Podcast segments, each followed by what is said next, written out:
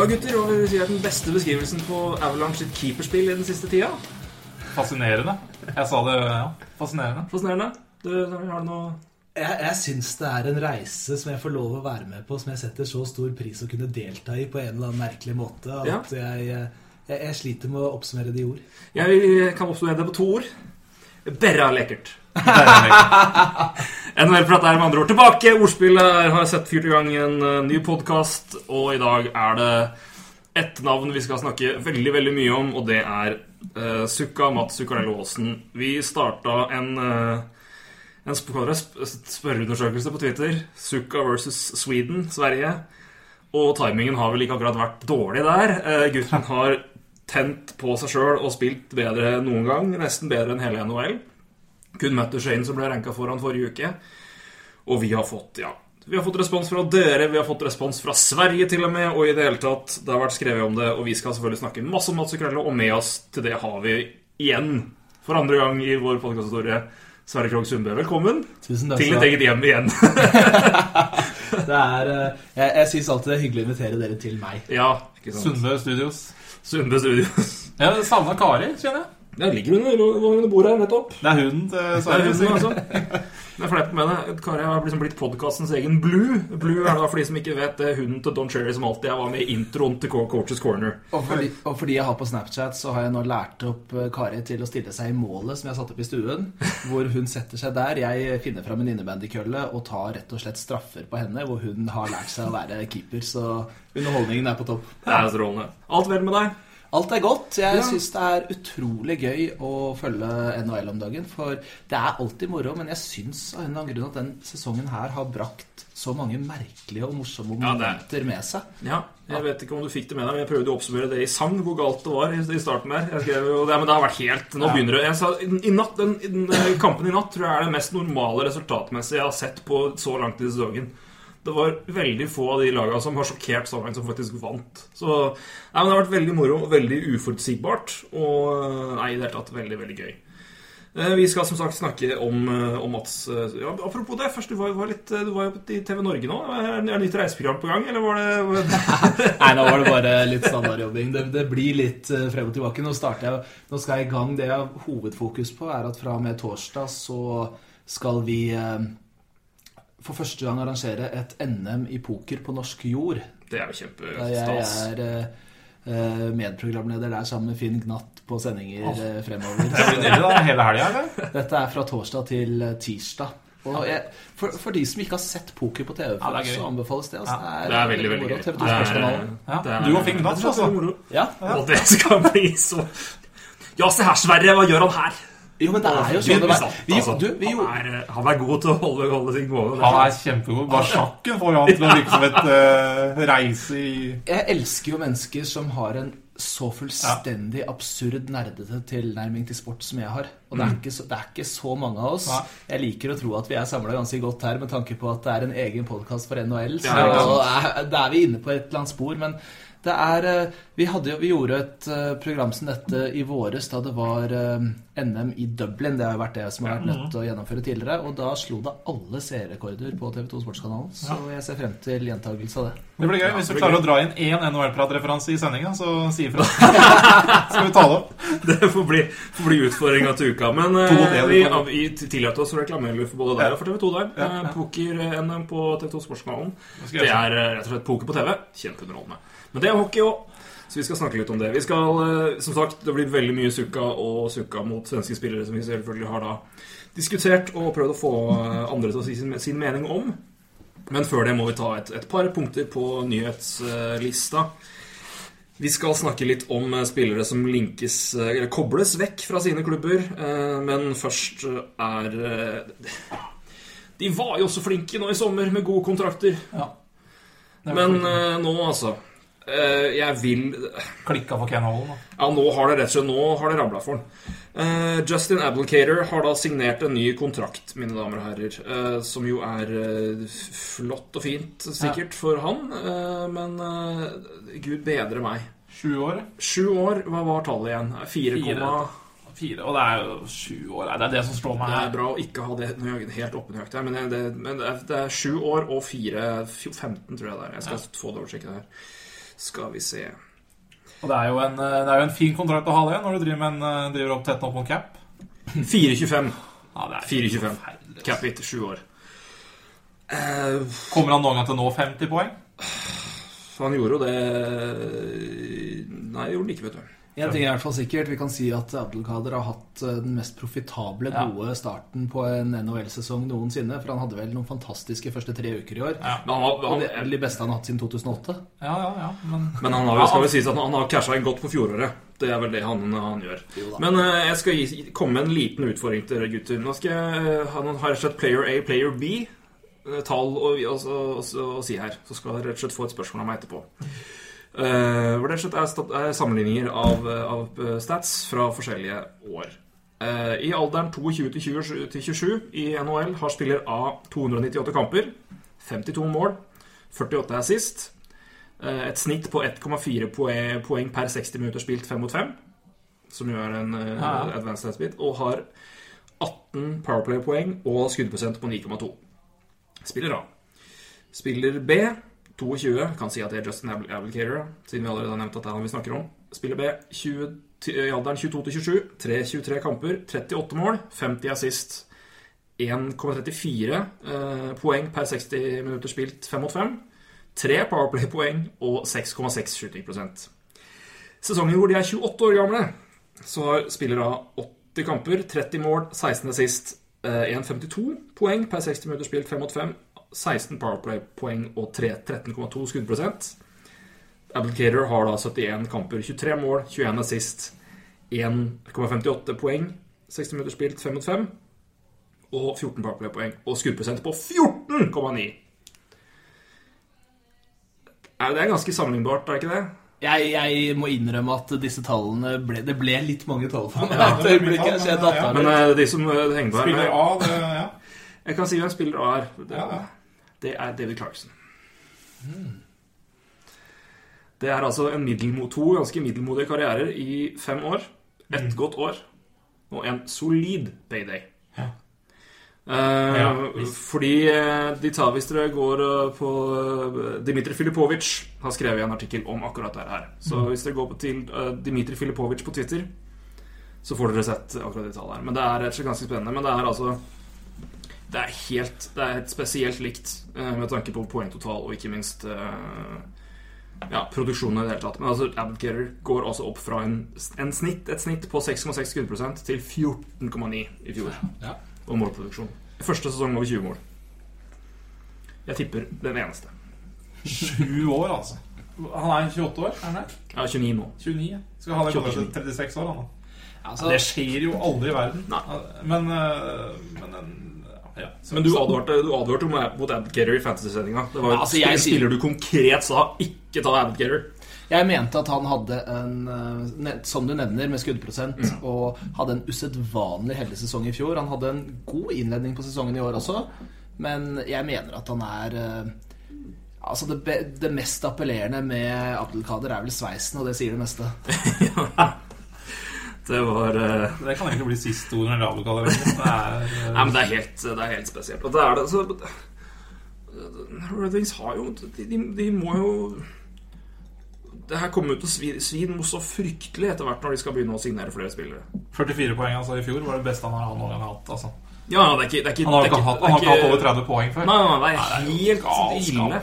Det blir mer og mer verre. Se for meg da om tre, fire, fem år, når du har uh, Nyquist, du har eh, Larkner og slike ting, som skal ha det der ekstra ekstra millionen sin for å få dem til å bli i klubben, og så sitter du der med 4-25 på Abdelkader. Den Ja. er, den, den, jeg er helt enig med den kommer til å bli så tung å svelge. Nå skal det dog legges til at eh, Red Wings de eh, har jo mange eldre spillere på laget som kanskje hever uforholdsmessig mye lønn med tanke på en lang og tro tjeneste, og at man ikke går ned i lønn ofte, men likevel.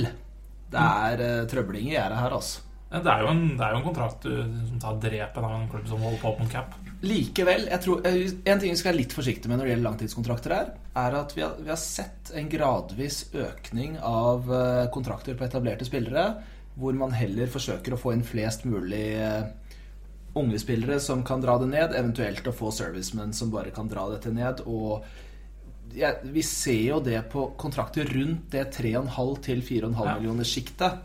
At det er veldig mange kontrakter siste nå halvannen sesongene, fjorårets og årets, hvor vi syns at det er galskap. Prisen for en middels NHL-spiller er gått veldig opp, eller en middels pluss, må vi jo kalle såpass høye kontrakter, men den er gått veldig opp. Eneste som ikke er i stand til å kapitalisere på det, er Mats Zuccarello Aasen. Ja, men er- ja, det er jo to sider av den saken. Da. Du sa jo Thomas Fleischmann som trener 700 000. En eh, Kirsten Glenclaw som ikke har Eller måtte legge opp. Ja. Han gikk for to second. Altså, det er jo litt sånn det, det, Ja, noen spillere er overpaya. eh, for- Men det er jo på, på grunn av de at man nå får sånne avtaler som at, spiller, at man har rett og slett altså, Ja. Det er jo det vi har sagt hele tida. Altså, de siste ti åra altså, Noen lag har selvfølgelig gjort det fryktelig bedre enn andre, og noen har lært seg å bruke CBA-en og, og biten der. Men det er jo learning by doing over en lav sko altså, først i, når det gjelder eh, å håndtere og langtidsplanlegge for capen, virker det som. For altså, det er jo det er jo noen avtaler her som er helt sånn spesielt Spesielt dårlige, hvor du omtrent signerer den det ene sesongen, og neste år så kjøper du den ut. ja. Det er, helt, altså, det er helt spinnvilt. Så, men, det er, men jeg- det er de kontraktene Og det er det altså, poeng som jeg har hørt for det påpekt i andre podkaster, som jeg merker at jeg blir mer og mer enig i. Det er ikke den avtalen på 7-8 millioner som ofte dreper deg. Det er de 2-3 på 4-5. Ja. Det er, er fryktelig mange, altså. Ja, Se på, se på Columbus! Ja. Se på Columbus! Og de to, tre til fire, fem er jo ofte Veldig ofte spillere som lett kan erstattes med de millionkontraktene, halvannen eventuelt, hvis du skal slå til deg litt. Og prøve å finne en bargain. Altså Du sa 'learning by doing'. En som aldri lærte av det han gjorde, var jo sin til Glenn Sather. Som kunne gjøre de mest fantastiske trades. Han eh, virkelig klarte å sno seg rundt, og så ødela han alt med noen helt håpløse signeringer igjen. Altså Det blir jo Alltid sagt det. En magiker med trades. En nisse med kontrakter. Ja. Men han er, han, er en, han er kanskje den beste på trades jeg har sett. Et post-cap.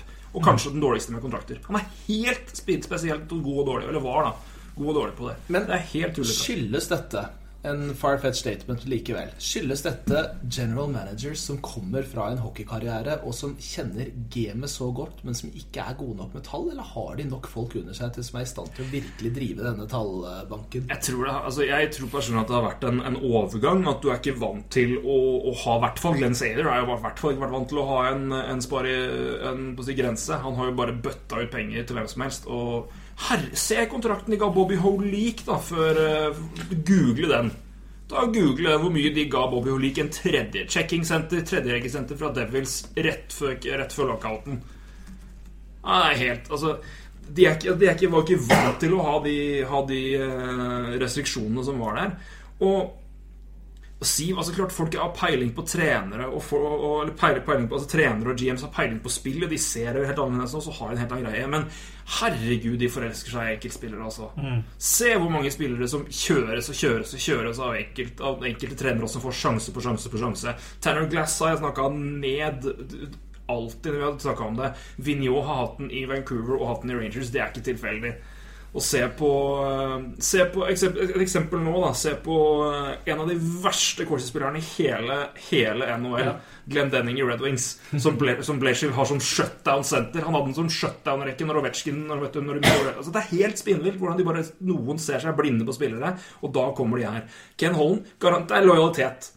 Ja, ja. Abdelgarer. Dette er så ekstremt mye det er Red Wings-spiller. Egen mann. Dette er jo Red Wings er jo lojalitetslaget. Laget som får opp egne spillere. Og som, altså, det er jo det det er. Du kan ikke holde på sånn. Nei, men det, det, det, det, må jo være det. Så nei, jeg er helt enig med deg. Jeg, jeg tror bare at det er De ser veldig mye, men det er, du, ser jo når folk som har henta inn CBA-eksperter og analytikere istedenfor. De, de, må, de må det. De har, de har ikke gjort det godt nok. Er, Litt, det er ikke å sammenligne, men det er litt interessant likevel. Eh, Følg med på hva som skjer med Dale Weiss og så se hva Montreal kommer til å gjøre med han. Hvis De kommer til å Altså de må opp i de tallene til Abdicator hvis, eh, Ja, de, antageligvis rundt tre, et eller annet, tipper jeg. Og, og det, hvis Montreal gjør det, veldig dumt. Mm. Skipper den ut, så viser det hvor profesjonell en alligasjon er. Men Ja. det vi får vente og se. Jeg, jeg tror Montreal Men har ikke til men Dale Weiss er jo en, det, det som er poenget her altså Dale Weiss er jo en veldig nyttig og utrolig god spiller å ha i Men der, ja. Det var Men en du ikke kan, en du ikke kan betale tre millioner ikke for. snakk om, ikke Ikke, en Montreal, som, som er opp mot cap hele Ikke tiden. tema. Ikke tema. Helt enig. Men For øvrig, bare når vi snakker, nevner navnet Dale Weiss, er det interessant for de som har lyst til, som lurer på hvorfor han har tatt steg. Så har det vært en del interessante artikler der ute som handler om at Dale Weiss kom til et punkt i karrieren i fjor. Og han skjønte at eh, jeg, jeg har verken kroppen eller muligheten til å kunne forbli en eh, nødvendigvis bare en røff, eh, tøff ishockeyspiller. Jeg er nødt til å finne steg og har virkelig gått knallhardt inn for å forbedre avslutningspotensialet sitt og virkelig spille på det tekniske. Og skjønt at dette er kvaliteter jeg bare aldri har brukt tidligere. Og, og fått det til å stemme med knallhard jobbing. Jeg syns det er en eventyrhistorie. Ja. det er nydelig. Og det er et eksempel flere bør følge opp. For det Også, men, og det er et godt eksempel. Jeg tenker på det der med Fordi Montreal elsker han. Altså Michel Tervien Mm. elsker han. Eh, Mark Bergevin elsker han. Altså, men de kan ikke ta det vurderingen når de skal gi han tre millioner. Mm. For, for det, er, det kan de ikke gjøre. Nei, du må, du må se på større sample altså, enn ett år. Det Så, er det som er men derfor, det var derfor jeg sammenligna Ja. dette her. For godt poeng. eh, det er litt sånn spennende å følge med. Vi var inne på Sader. Ja. Og beklager at jeg digrerer litt, men uh, dette er NHL-prat, så da det er jo forumet for digresjon. Uh, overgangen Sader til nå Gordon, eller Gorton, jeg husker aldri om det er Gordon eller Gorton. Uh, Callahan, Ja. som ikke får kontrakten sin, som er den mest elskede Rangers-spiller, som er kapteinen, som er hele greia, og som ryker til Tampa Bay. Dette var jo tegnet. Her skjønte jo plutselig Rangers at uh, vi har gått i feil retning. Vi kan ikke fortsette denne. Og sannsynligvis så var jo Gorton inne da med en i større grad cap-tankegangen i bånn. Callahan forsvinner. De er nødt til å ta det røffe valget med Hagelin i år Ja. Som er, har vært en viktig spiller for Rangers, selv om han ikke skårer poeng. Og får han ut med tanke på at de har ikke råd til akkurat den du snakker om. Hva er Hagelin? 3,5 var det det han fikk i Anheim? Jeg vet ikke, jeg gjetter litt. Jeg husker bare ikke. Var det ikke fire? Jeg tror, jeg tror det var tett opp på fire. Altså. Tett opp Men ikke sant? fire. Og, uansett, Og- og- 3,5-4 har ikke med Rangers råd til. Jeg hadde ikke. Og Ja. der ser du en klubb som har tatt konsekvensene av uh, litt for tett på, ikke kan gi de uh, hometown discount til spillere som de er glad i. Dette Hagelin fire blank. fire Uff a meg. Men eh, du ser jo det, men du ser jo det nå med Det er godt poeng, for du ser Callahan, hva den kontrakten gjør med et, et, eh, et Lightning-lag som på papiret har masse framtid, men er capstrong så det holder mye pga. den kontrakten her og et par andre, som gjør at de må gjøre noen tøffe valg nå i sommer. Antakeligvis så er det da du må enten ofre to av tre triplets, tror jeg, eller så må du beholde Stan, eller så må du ofre Stamkos. Ja. Eller hvis tripletsen bare fortsetter å produsere som de gjør nå, så kan de beholde alle tre. Mm. Jo, jo, ja, men det er, jo, men det er det jeg sier altså, enten så De bør jo holde på en dårlig sesong. Enten så går to av de tre, eller så går Stamkos. De kan det, så de må velge. Ja. Det er fordi du har ikke, du har ikke nok plass, og det er eh, og eh, det, det kan vel eh, hvis, Det kan vel hende at man kan gjøre noe med en annen kontrakt på Rangers som tynger veldig, mener jeg. Men det, kan vi komme, det kommer vi tilbake til senere. Det skal jeg snakke mer om senere. Men apropos det, Callahan var jo et, et, en trade. Og det trade, det ryktes jo om flere trades nå. Det, det skjedde jo selvfølgelig for et par år siden, men eh, det, nå begynner det å Det trenger ikke mer enn 18-19 kamper inn før det begynner å koke litt med trade-rykter. Tre spillere spesielt har blitt nevnt. Matt Duchene. I Han- alle dager. Han svarte på tiltale. Han gjorde det. Han eh, begynte, og det var jo virkelig konkret. Altså, det, det, Bob McKenzie og Friedman kom med det. Pierre LeBrun fikk det bekrefta at, det var- at, at det var faktisk sant. At de hadde et, eh, omtrent Ja, de hadde faktisk aktivt ringt ut sjøl. Det var ikke sånn at de hadde tatt imot telefoner. De hadde tatt kontakt med Ottawa Senators, eksempelvis, og sagt hm, er dere interessert? Og Duchene svarer da med å bli beste spilleren den forrige uka. Så det er én mann. Patrick Marlaud, eh, nærmest selvfølgelig. Han har hatt trade-rykter rundt seg i fem-seks år, omtrent. Det er også en, en, et navn som surrer ute. Og det samme da med Ryan Johansen, Columbus Blue Jackets. Ikke akkurat nytt, det heller. Det har vel skjedd før. Ja.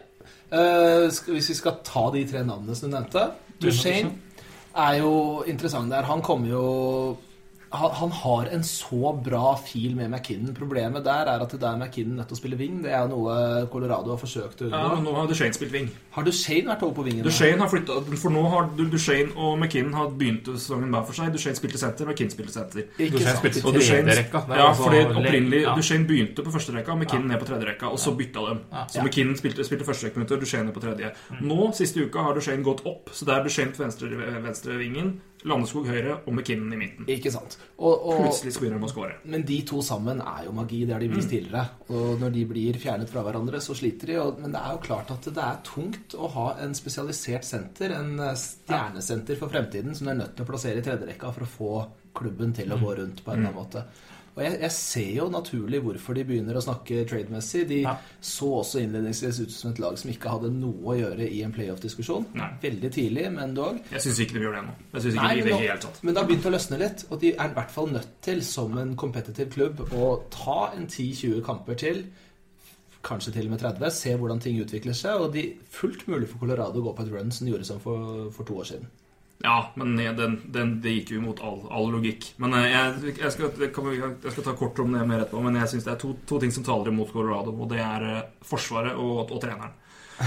Men eh, det er Matt, Matt, Matt Shane, absolutt. Men vi kan Men Patrick Marlowe er jo Unnskyld, Roy. Ja, nei, men altså, du du sier hva, hva vil Colorado ha igjen for Duchene? Nei, det jeg sier, altså Hvis de vil ha igjen for. Duchene, så er det åpenbart at det må være forsvarsspiller. Ja. Det kan jo ikke være noe annet. Hvis de går ut og bytter Duchene mot eh, en, en annen en, Vi kan kalle det en wing da og et prospect, det er jo bare tøys. Jeg er helt enig. Og da Men igjen, Make- kommer, altså- de, kommer de til Men nei, vi kommer de til å gjøre det. Jeg tviler.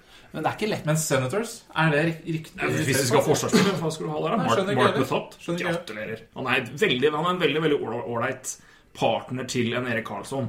Til en, en, Ja. en stjerne. Altså, Ja, veldig, veldig, bra god, sammen, veldig, veldig god stabiliseringspartner. Ja. Litt, altså en strålmann, strålmann light, da. Du kaller det det. Det er uinteressant for eh, Nei, men- Colorado. Men jeg har, har det Men jeg, har- jeg, jeg vil jeg, vil- jeg, Nashville Ja, jeg er helt takk. Helt enig. trenger senter. Hvis Har Nashville, masse hvis. Nashville og Colorado klarer å knekke ut en avtale her, perfekt for begge. Yes. Det er, det, det er drømmedeal for begge lag, mener jeg. Kan jeg, kan jeg slenge ut navn nå? Gjør det. Kjør på. Shea Weber? Jeg tror den er vanskelig. Jeg Ja, tror at det er- Duchene er for ung, og Webber er for integrert. Mm. Altså at det blir ankepunktet for hele å slenge ut et, annet, Ja, ja, ja. navn fra en annen klubb. Ja. Eh, Nå trenger ikke de i utgangspunktet en senter, men de trenger en topp seks-spiller. Hva med Ryan McDonough for Matt Duchene? Ryan McDonough som eh, Å, ja.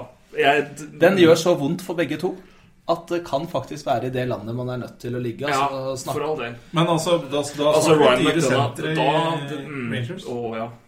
Hva sa du? Da blir det dyre sentre i Rangers. Og, Ja, det er helt så sant. det gjør vel Jeg ville ikke Altså, Rangers er ok defensivt, men eh, Lundqvist bærer det laget der godt. Altså, McDonough er et Han er en flytevest på et ankepunkt i det forsvaret der. Eh, og Åh jeg, jeg er helt enig med at det er spennende, men om jeg tør å slippe Dan Gerardi fri uten, uten Ryan McDonough Åh, det er farlig! Men jeg Åh, det er farlig. Jeg tror, det jeg skal fram til, er at jeg tror man må i den aldersgruppen for å kunne finne en mulig tror det. trade-partner med, med Colorado. Altså Man må ha da en ung bekk. Altså Du må snakke nesten Ekblad. Du må snakke Mm. slike typer som kan være for fremtiden, og som er interessante. Eller en, Men, eh, hvis man, man, Det er jo masse eh, alternativer i Nashville. da Det er jo derfor jeg også tenker sånn. Men jeg tenker også Shea Weber må jo være interessant for Nashville å shippe ut også. Det er en lang kontrakt. Det er en klubb som, eh, som Mm. ikke liker å bruke penger, for å si det sånn. da Ja. Så det er derfor jeg slenger ut. Men de har jo en Ellis Ja, de kan ut. Seth Jones kan jo bare komme inn og Seth. Jones var eh, det naturlige navnet der. Mm. Seth Jones pluss en eller annen piece for Matt Duchene. Mark Ribeiro, for eksempel, også har. Ja, men det er, får det, men den jeg, jeg, jeg tror òg at det her kunne være også et lite, en fin effekt for å fyre opp under Matt Duchene og gi ham en wake-up. Men det er Og det har de jo, det har de jo klart. Men Joe Sackers, hvis han skipper ut Stasny for to år siden, og Riley i fjor Duchene i år, da begynner jeg å lure på hva ja, det, er, det. Det, var- det, altså. det var liksom firerbanden på senterrekka der. Så nå sitter du med. Så nå har du bare McKinney igjen. Ja, det går jo ikke an. Da er det ikke bare Patrick Roa jeg kan chance eller, Nei, men Sakiko har ikke mm, Nei. Han Nei. Nei. Det er, det er miks, altså. Miks. Skal ikke prate altfor lenge om det. Men vi kan ta jo fort altså Patrick Marlowe jeg kan, ja, Det er jo som alltid. Men et, et poeng jeg hørte der, og en, en, en connection der som jeg syns hørtes fryktelig spennende ut. Jeg tviler på at det går an, for dette er jo internt, å si, interne eller lokalrivaler. Man kan kalle det i California, men det har jo blitt det. Spesielt de to lagene her har jo faktisk stor nok faninteresse alltid til at det kan sies sånn.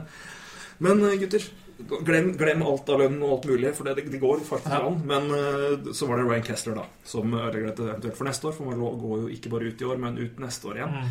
Men Patrick Marlowe i Anaheim Ducks Den farta For Marlowe har sagt at han kan trøye seg tre klubber. Ja? Ducks er på den lista. Ja, Sammen med Kings Ja. og Rangers. Ja. Ja. Ja. Se, Eh. se Marlowe på Å, den farta! Oh, Han, har, Er han det slutt på er, Maroon, da? På... Huff a meg. uff, men det, det hadde vært så gøy, altså. Ja. Det hadde vært Ja. så gøy. Men hvis vi glemmer lønn, så synes jeg nesten litt Nå står jo ikke den på lista, det er jo litt synd, da. Men eh, en annen klubb som hadde passa jævlig bra, tror jeg, det er Lightning. Ja, den, ja, absolutt, absolutt, absolutt. absolutt, absolutt helt Men eh, der er det jo sjanseløst. Ja, for da, da kunne du flytta Killoren ned. Ja. Mens uh, For Drew har ikke tatt det steget ennå. Men det er jo en ideell match. jeg, jeg ser ikke for meg at han har lyst til å flytte til Tampa. Nei, nei, nei, men det skjer jo, han har ikke sagt det. Men bare når du hører locationen hans Han vil bo i LA eller New York. Ja. Det, jeg tror han er er. Jeg tror det betyr noe. Ja. Ja, men, det, men, men, det, men det er sånn jeg tenker med, med både Marlowe og Fulton. Altså, at de bør jo nå se hvor de er, og tenke her vinner vi ingenting. Kan ikke vi, er vi er ut dit og vinne noe. Hadde det vært Joe Thornton, hadde jeg, hadde jeg bedt innstendig om at uh, front office San Jose skulle prøvd å få trada meg til en til en ålreit contender. Hvor han kunne gått inn som en senter nummer to, til og med. Tenk deg å ha Joe Thornton som andrerekesenter, da. Ja, jeg er litt uenig med dere på San Jose. Jeg mener at San Jose er en outside contender. Nei, nei, nei. Jeg klarer ikke kjøpe det. Nei. Jeg klarer ikke det. Men, Men, men, eh, eh, men, eh, vi trenger ikke å ta den Nei, diskusjonen. vi trenger ikke ta den diskusjonen nå. Men, jeg, men jeg, Men, jeg, hadde jeg vært med Marlowe Thornton, hadde jeg vært ganske klar på at jeg hadde, vi gjerne ville prøvd lykken et annet sted nå. For å prøve å vinne noe. Ja, Thornton er jo føler jeg vanskelig å plassere i mange klubber, fordi at han, er, han, er så, han har så tydelige begrensninger i sin, eh, i sin spillestil med farta. Det er absolutt. Og, og at det kan være vanskelig å integrere han i mange system som en følge av det. Men Sanosé Jose har klart det med til gangs å virkelig skape et system rundt Thornton. Når det gjelder Malot, så er jo han den motsatte spiller. Ja. Han kan jo gå rett inn i så Ja. mange moderne hockeysystem. Mm. Eh, Til tross for alder og til tross for alt, så er han eh, meget eh, eksplosiv. Mm. Og det et- Så derfor så tror jeg at muligheten ligger der for Malot. Jeg tror ikke den ligger der for Thornton. Jeg er litt enig med deg. Altså. Jeg syns du har veldig godt poeng i det at han passer så jævlig bra inn i Sharks, men kanskje ikke så veldig mange andre steder. Ja, men han, han er jo en altså, ja, Fart er en utfordring for Joe Ja. Thornton, men han har samtidig så ekstremt gode playmaking-egenskaper og så god hockey-IQ at han, han kommer til å få det til å funke på mange punkter. Men, så er farta, men altså, Hvis du er et, et uptempo-lag hvor fart er et nøkkelelement i spillet ditt, altså eksempelvis et Rangers, som er jo kontra de luxe de, og Montreal, da, som jeg snakka om, og de laga der, da er det verre. Ja. Men, eh, men han med den eh, hockey-IQ-en sin mange lag som kunne hatt god nytte av han, altså. Men eh, jeg, også, men apropos hardt fartlag. Marlowe på vingen til Montreal, Roy? Nei, heldigvis ikke. Det. Nei, han, han passa glimrende Ja, ja, men, men, i en lønn. Men nei. Altså, Men, altså, Der i nå, Montreal er det, nå, er det jo, nå er det bare å, å, å si på å si mulige Ja, ja. og artige ting. Altså, det hadde jo aldri gått. Vært godt. Nei, jeg hadde ikke Og da det bare sånn Og apropos Thornton, så er det mange i Montreal snakker om. Mm. Fordi Montreal trenger senter, men Og der, der får jeg der får jeg følelsen hver gang jeg ser navnet hans uh, connecta til Montreal. Jeg, jeg, jeg blir dårlig. Mm. Jeg blir fryktelig dårlig, altså. Mm. Nei, men det er, eh, det det er vanskelig. på grunn Ja, det er Men, uh, Og men ikke ja, minst penger. Passer i masse Men uh, vi tar sistemann nå kjapt. Ryan, jo, eh, Ryan Johansen, som jo uh, Det blir ikke kjapt, det med Blue Jackets. Nei, det ikke det. Men det, det kan Sari prate om. det, det. Ja, men ok, til- deg, status der, for der er det jo altså Aller først, da, før vi sier det, er Ryan Johansen en vanskelig spiller? På avisen. avisen. Jeg tror, jeg tror nok han er en personlighet som Jeg tror ikke han er noe Zuccarello i garderoben. Nei. Eh, Jeg tror ikke han sprer bare glede og rosebusker. Men eh, la oss si situasjonen til Columbus nå over så mange år, hvor de alltid har hatt stjernespillere som har blitt problemorientert på en eller annen måte. Altså Nash var et problem der. Det var Johansen er et problem. Jeg tror at det, det, er ikke, det er ikke veldig lett å skape med liten kultur eh, Nå har de i hvert fall fått budsjett, men, og de fyller nationwide, men likevel, du er i Columbus i Ohio. Du er langt utenfor, utenfor allfarsvei på et lag som ikke har tradisjoner. Eh, Det er klart at det er en utfordring i starten. Jeg trodde de gjorde et genialt trekk i Columbus da de hentet inn en ny GM. Eh, og- ja, som jeg syns er kanskje den beste scouting-gamen du kan finne. Finner talenter ut av ingenting Mm. Ja, og har kontakter i. Europa som er helt unike. Ja. Han har kontakter overalt. Se hva han har gjort i Blues. Vi har snakka om det før. Se hva han har gjort i Blues, blues før han kom til Black Ops. Blue Jackets. Er helt tullete. Og så kommer han inn, og så hyrer han nå John Tortorella. Det er altså Det er, det er mulig jeg, jeg jeg Jeg skal ikke påstå at jeg har eh, skjønt så mye mer enn han, men dette må jeg ha skjønt. Det er at John Tortorella Det skal mye til at han i dagens NHL-hockey blir en superstjerne av en trener igjen. Jeg tror ikke det blir noen flere utmerkelser på han. eh, eller resultater resultatet på ham. Og det som skjedde med Rangers med det spillematerialet etter at han gikk, det som skjedde med Vancouver da han kom dit, og det som nå er i ferd med å skje med Vancouver etter at han har dratt, samt det som har skjedd er i ferd med å skje med Columbus, med å skape problemer med spillerne. Han er jo ingen diplomat. Han er fryktelig morsom i intervjuer og utrolig gøy å se på til tider, og kan være en likende skar også.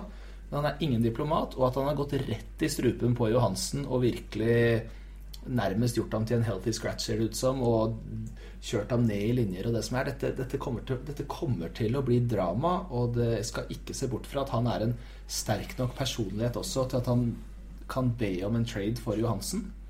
Og i så måte tvinge hånden til en general manager som da er nødt til å gjøre dette, mens han fortsatt får nok i retur for Johansen før han har spilt under Tortorella for lenge. Du ser? Nei, ja, ikke sant? Ja. Som John Tortorella ville ha møtt Duchene. Nei. Liten, liten vips. Men, eh, nei, men det, Ja, det er er et interessant, godt altså. poeng. Eh, vi hadde jo en lang Tortorella-diskusjon uh, når vi hadde Truls uh, Lauveng på med podkasten her. Eh, og Roy var vel omtrent helt enig med deg. Jeg eh, satt der og da og sa at eh, vet du hva, til det laget her nå, de trengte en shakeup, så det holdt. Og jeg skjønner at John Davidson, som ikke hadde sin mann i Todd Richards, går inn og henter sin mann i John Tortorella, som han er veldig glad i.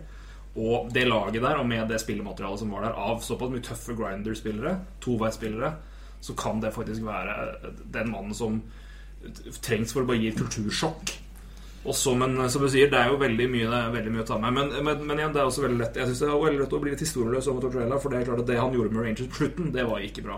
Men han, hadde, han stabla opp et ganske godt Rangers-lag noen år i forkant, og var Han skapte en base som de har nytt godt av senere, Ja, og han, han lærte dem en defensiv orientering. Han lærte dem å ofre kroppen sin og Mm. gå rett inn, og han har, eh, han har skapt en karriere for spillere som Callahan og til og med Boyle, som har virkelig kunnet herje på bakgrunn av det de har tatt Mm. Dubinsky, med som seg. han har nå. Og det forsvars, eh, forsvarslaget til Rangers Det er i stor grad bygget opp en Tortarella-stil, og det er ingen tvil om at han kan det der. Mm. Når det gjelder å ta det neste steget og bli et vinnende hockeylag i 2015, så tror jeg ikke Tortarella er mann.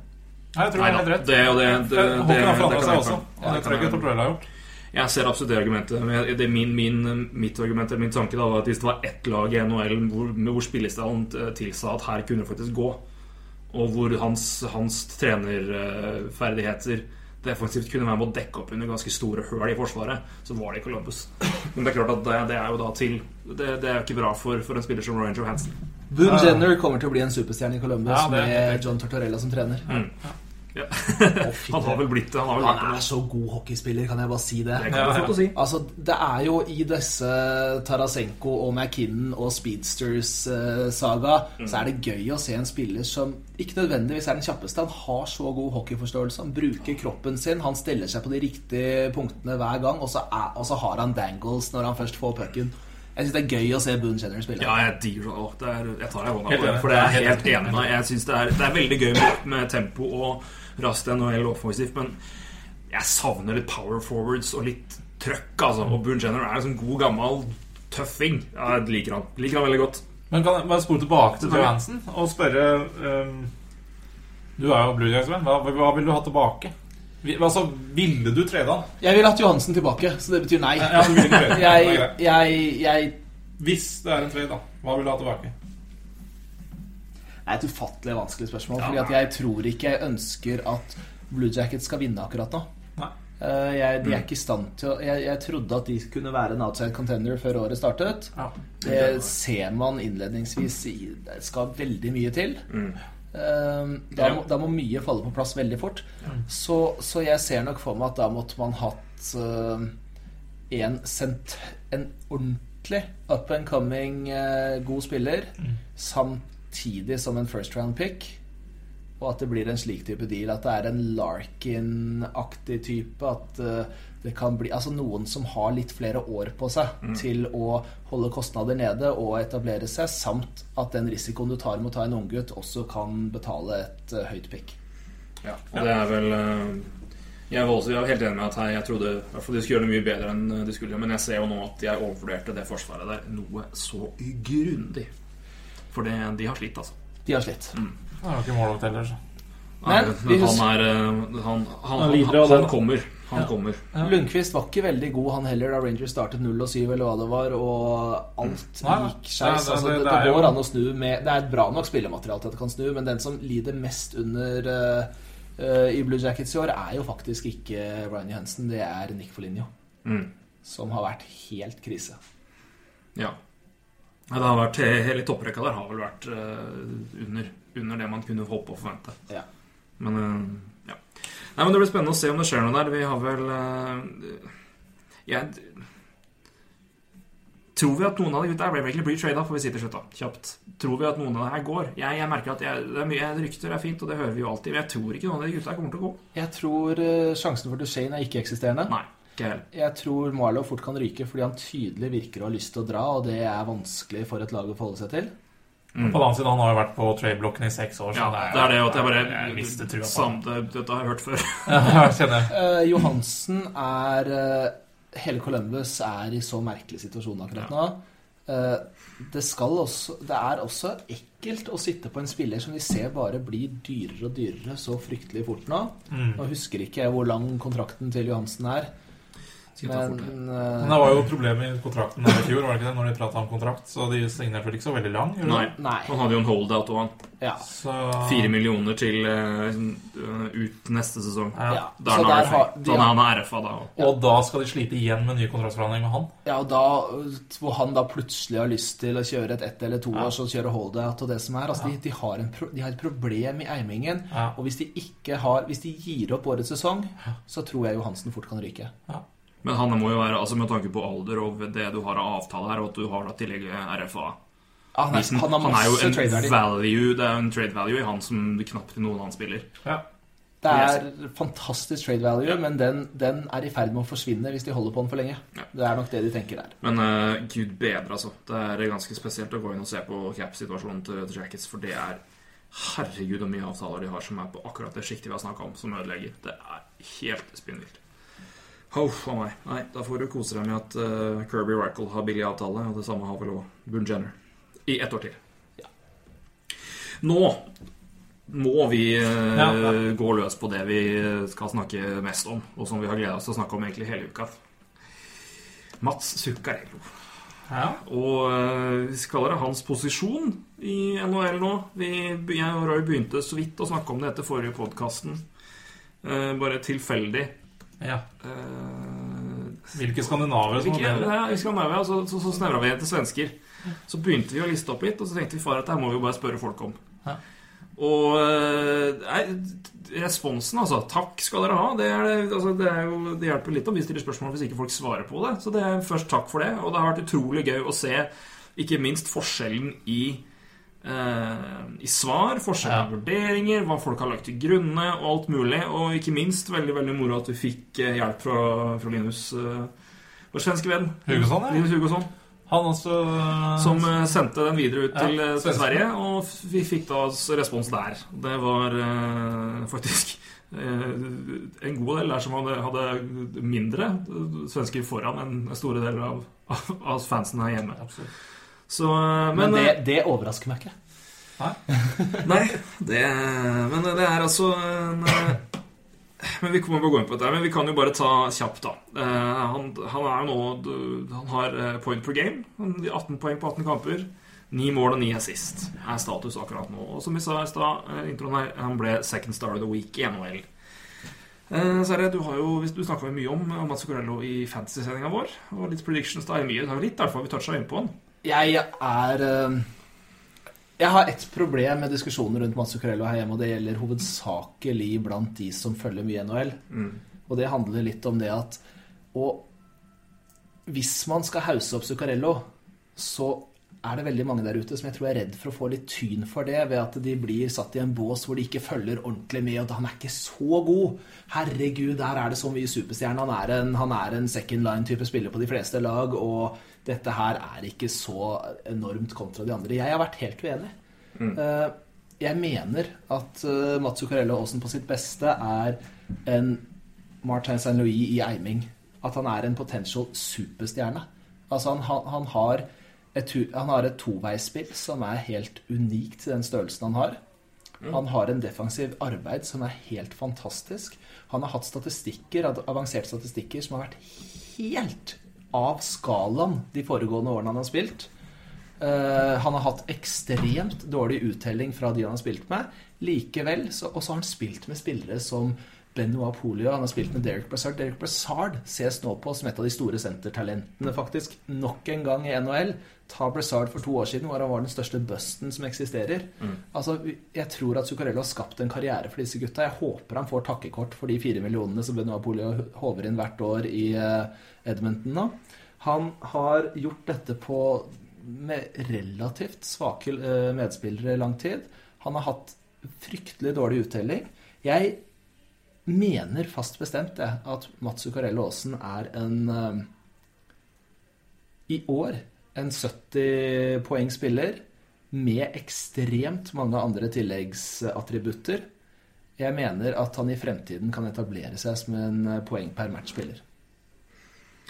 Det er jo en god eh, jeg det intro jeg tror heter det, En åpnings... eh, Hva sier du? I, sånne- ja, i, i sånne debatter. En, ja. det, første, det første statement, en intro der. Får legge lista der. For Lille der. Vi kan jo si jo at eh, det- Sverre, du har vel eh, Jeg tror ikke det er så mange som Det er vanskelig for å tippe det nå, men du var jo også en av de som hadde det laveste antallet foran. Jeg tror vel omtrent eh, Det var det laveste, tror jeg. Du hadde vel tre? Tre og en halv? Nei, jeg hadde fire, fordi jeg regnet Setteberg som en halv en fordi han var så mye skada i fjor og slike Ja. ting. Men, eh, men eh, jeg har nok Setteberg foran, så la oss si fire. Ja. Kan. Du kan jo ta lista di hvis du vil først nå. Så kan du se på det. det Jeg altså- skal se hva jeg har tatt. da. Jeg har i hvert fall Karlsson og Lundqvist. Ja. Og jeg har eh, vel Hedman og Setteberg, tror jeg. Skal vi se Jeg tror det, det kan være Og jeg har ikke, jeg har ikke Bekkstrøm.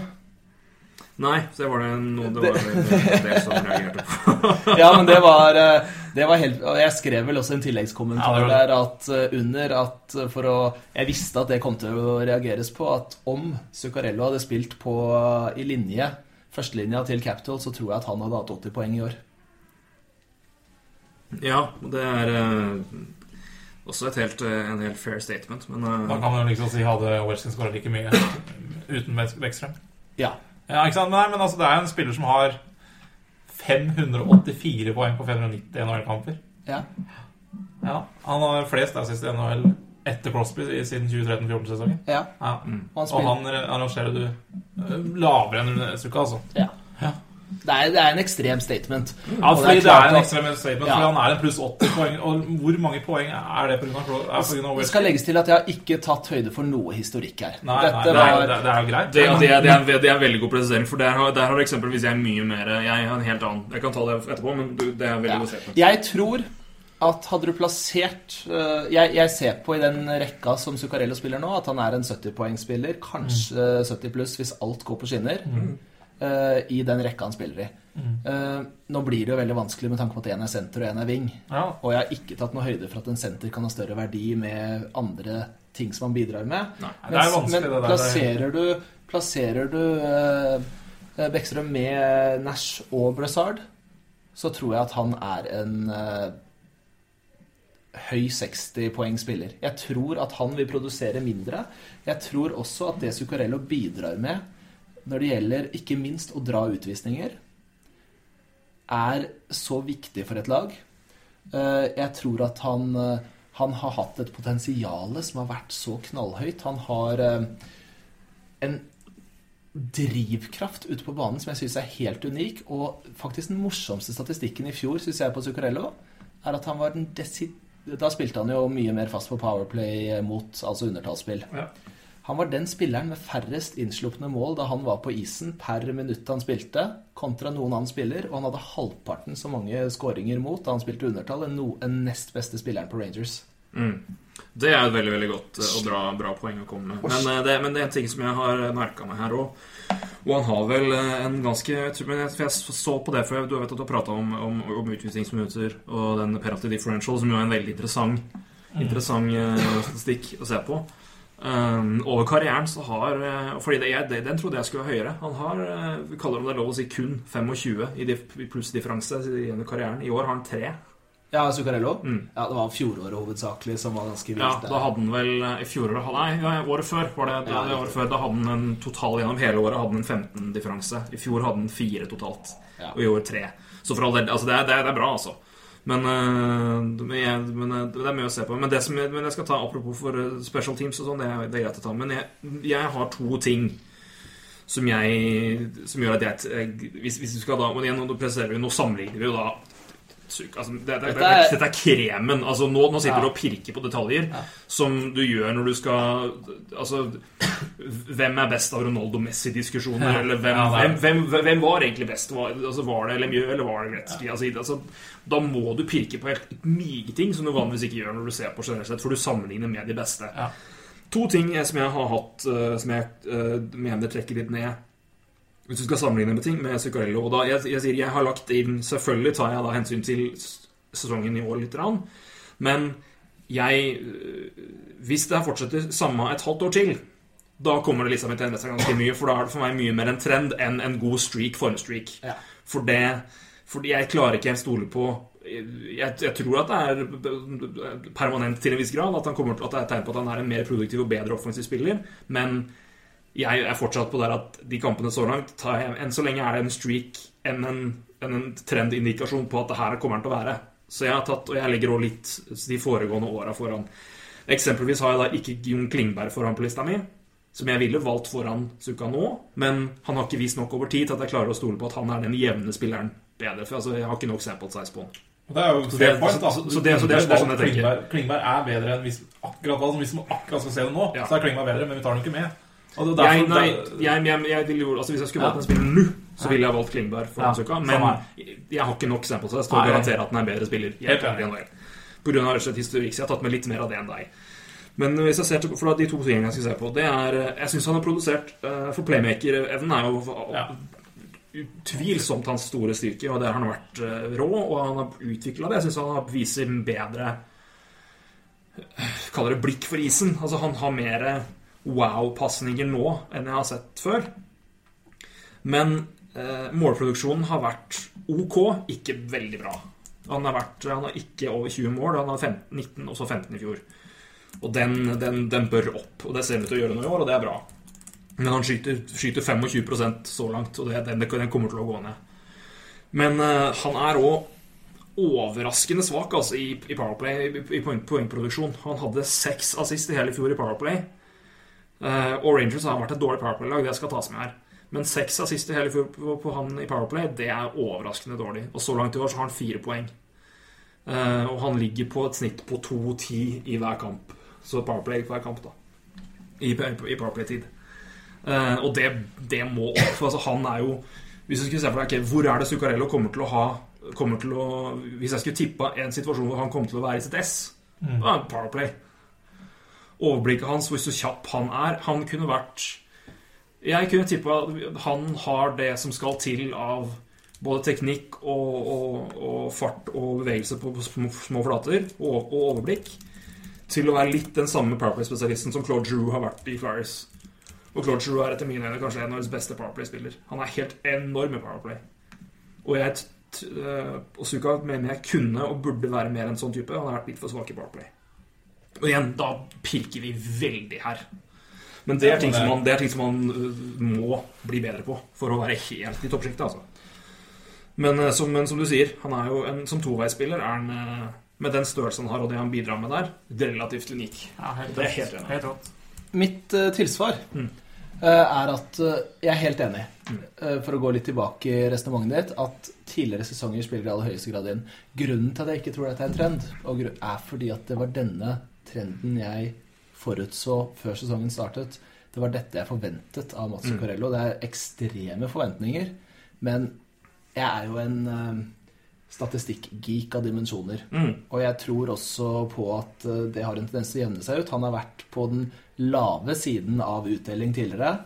I år så er han absolutt på den høye siden når det gjelder målskåring. Men han spilte på et lag som nok en gang innledningsvis i år slet med å omsette pasningene hans i skåringer. Han Rick hadde- Nash, ikke minst. ja, han hadde eh, Nash som ikke skårer innledningsvis. Han hadde jo to assist Han hadde jo ni Sju mål, to assist. mål og to assist. Vi snakka om det i podkast for et par uker siden. Da hadde han sju mål, to assist. Noe som er ekstremt jeg skrev, skrev også en, en, en, en kommentar om det, og jeg mente at eh, det er veldig bra, men de tallene kommer til å snu. Ja. Altså, det er en ekstremt usymptomatisk utvikling for Zuccarello. Ja. Målskåringspacen hans kommer han ikke til å holde.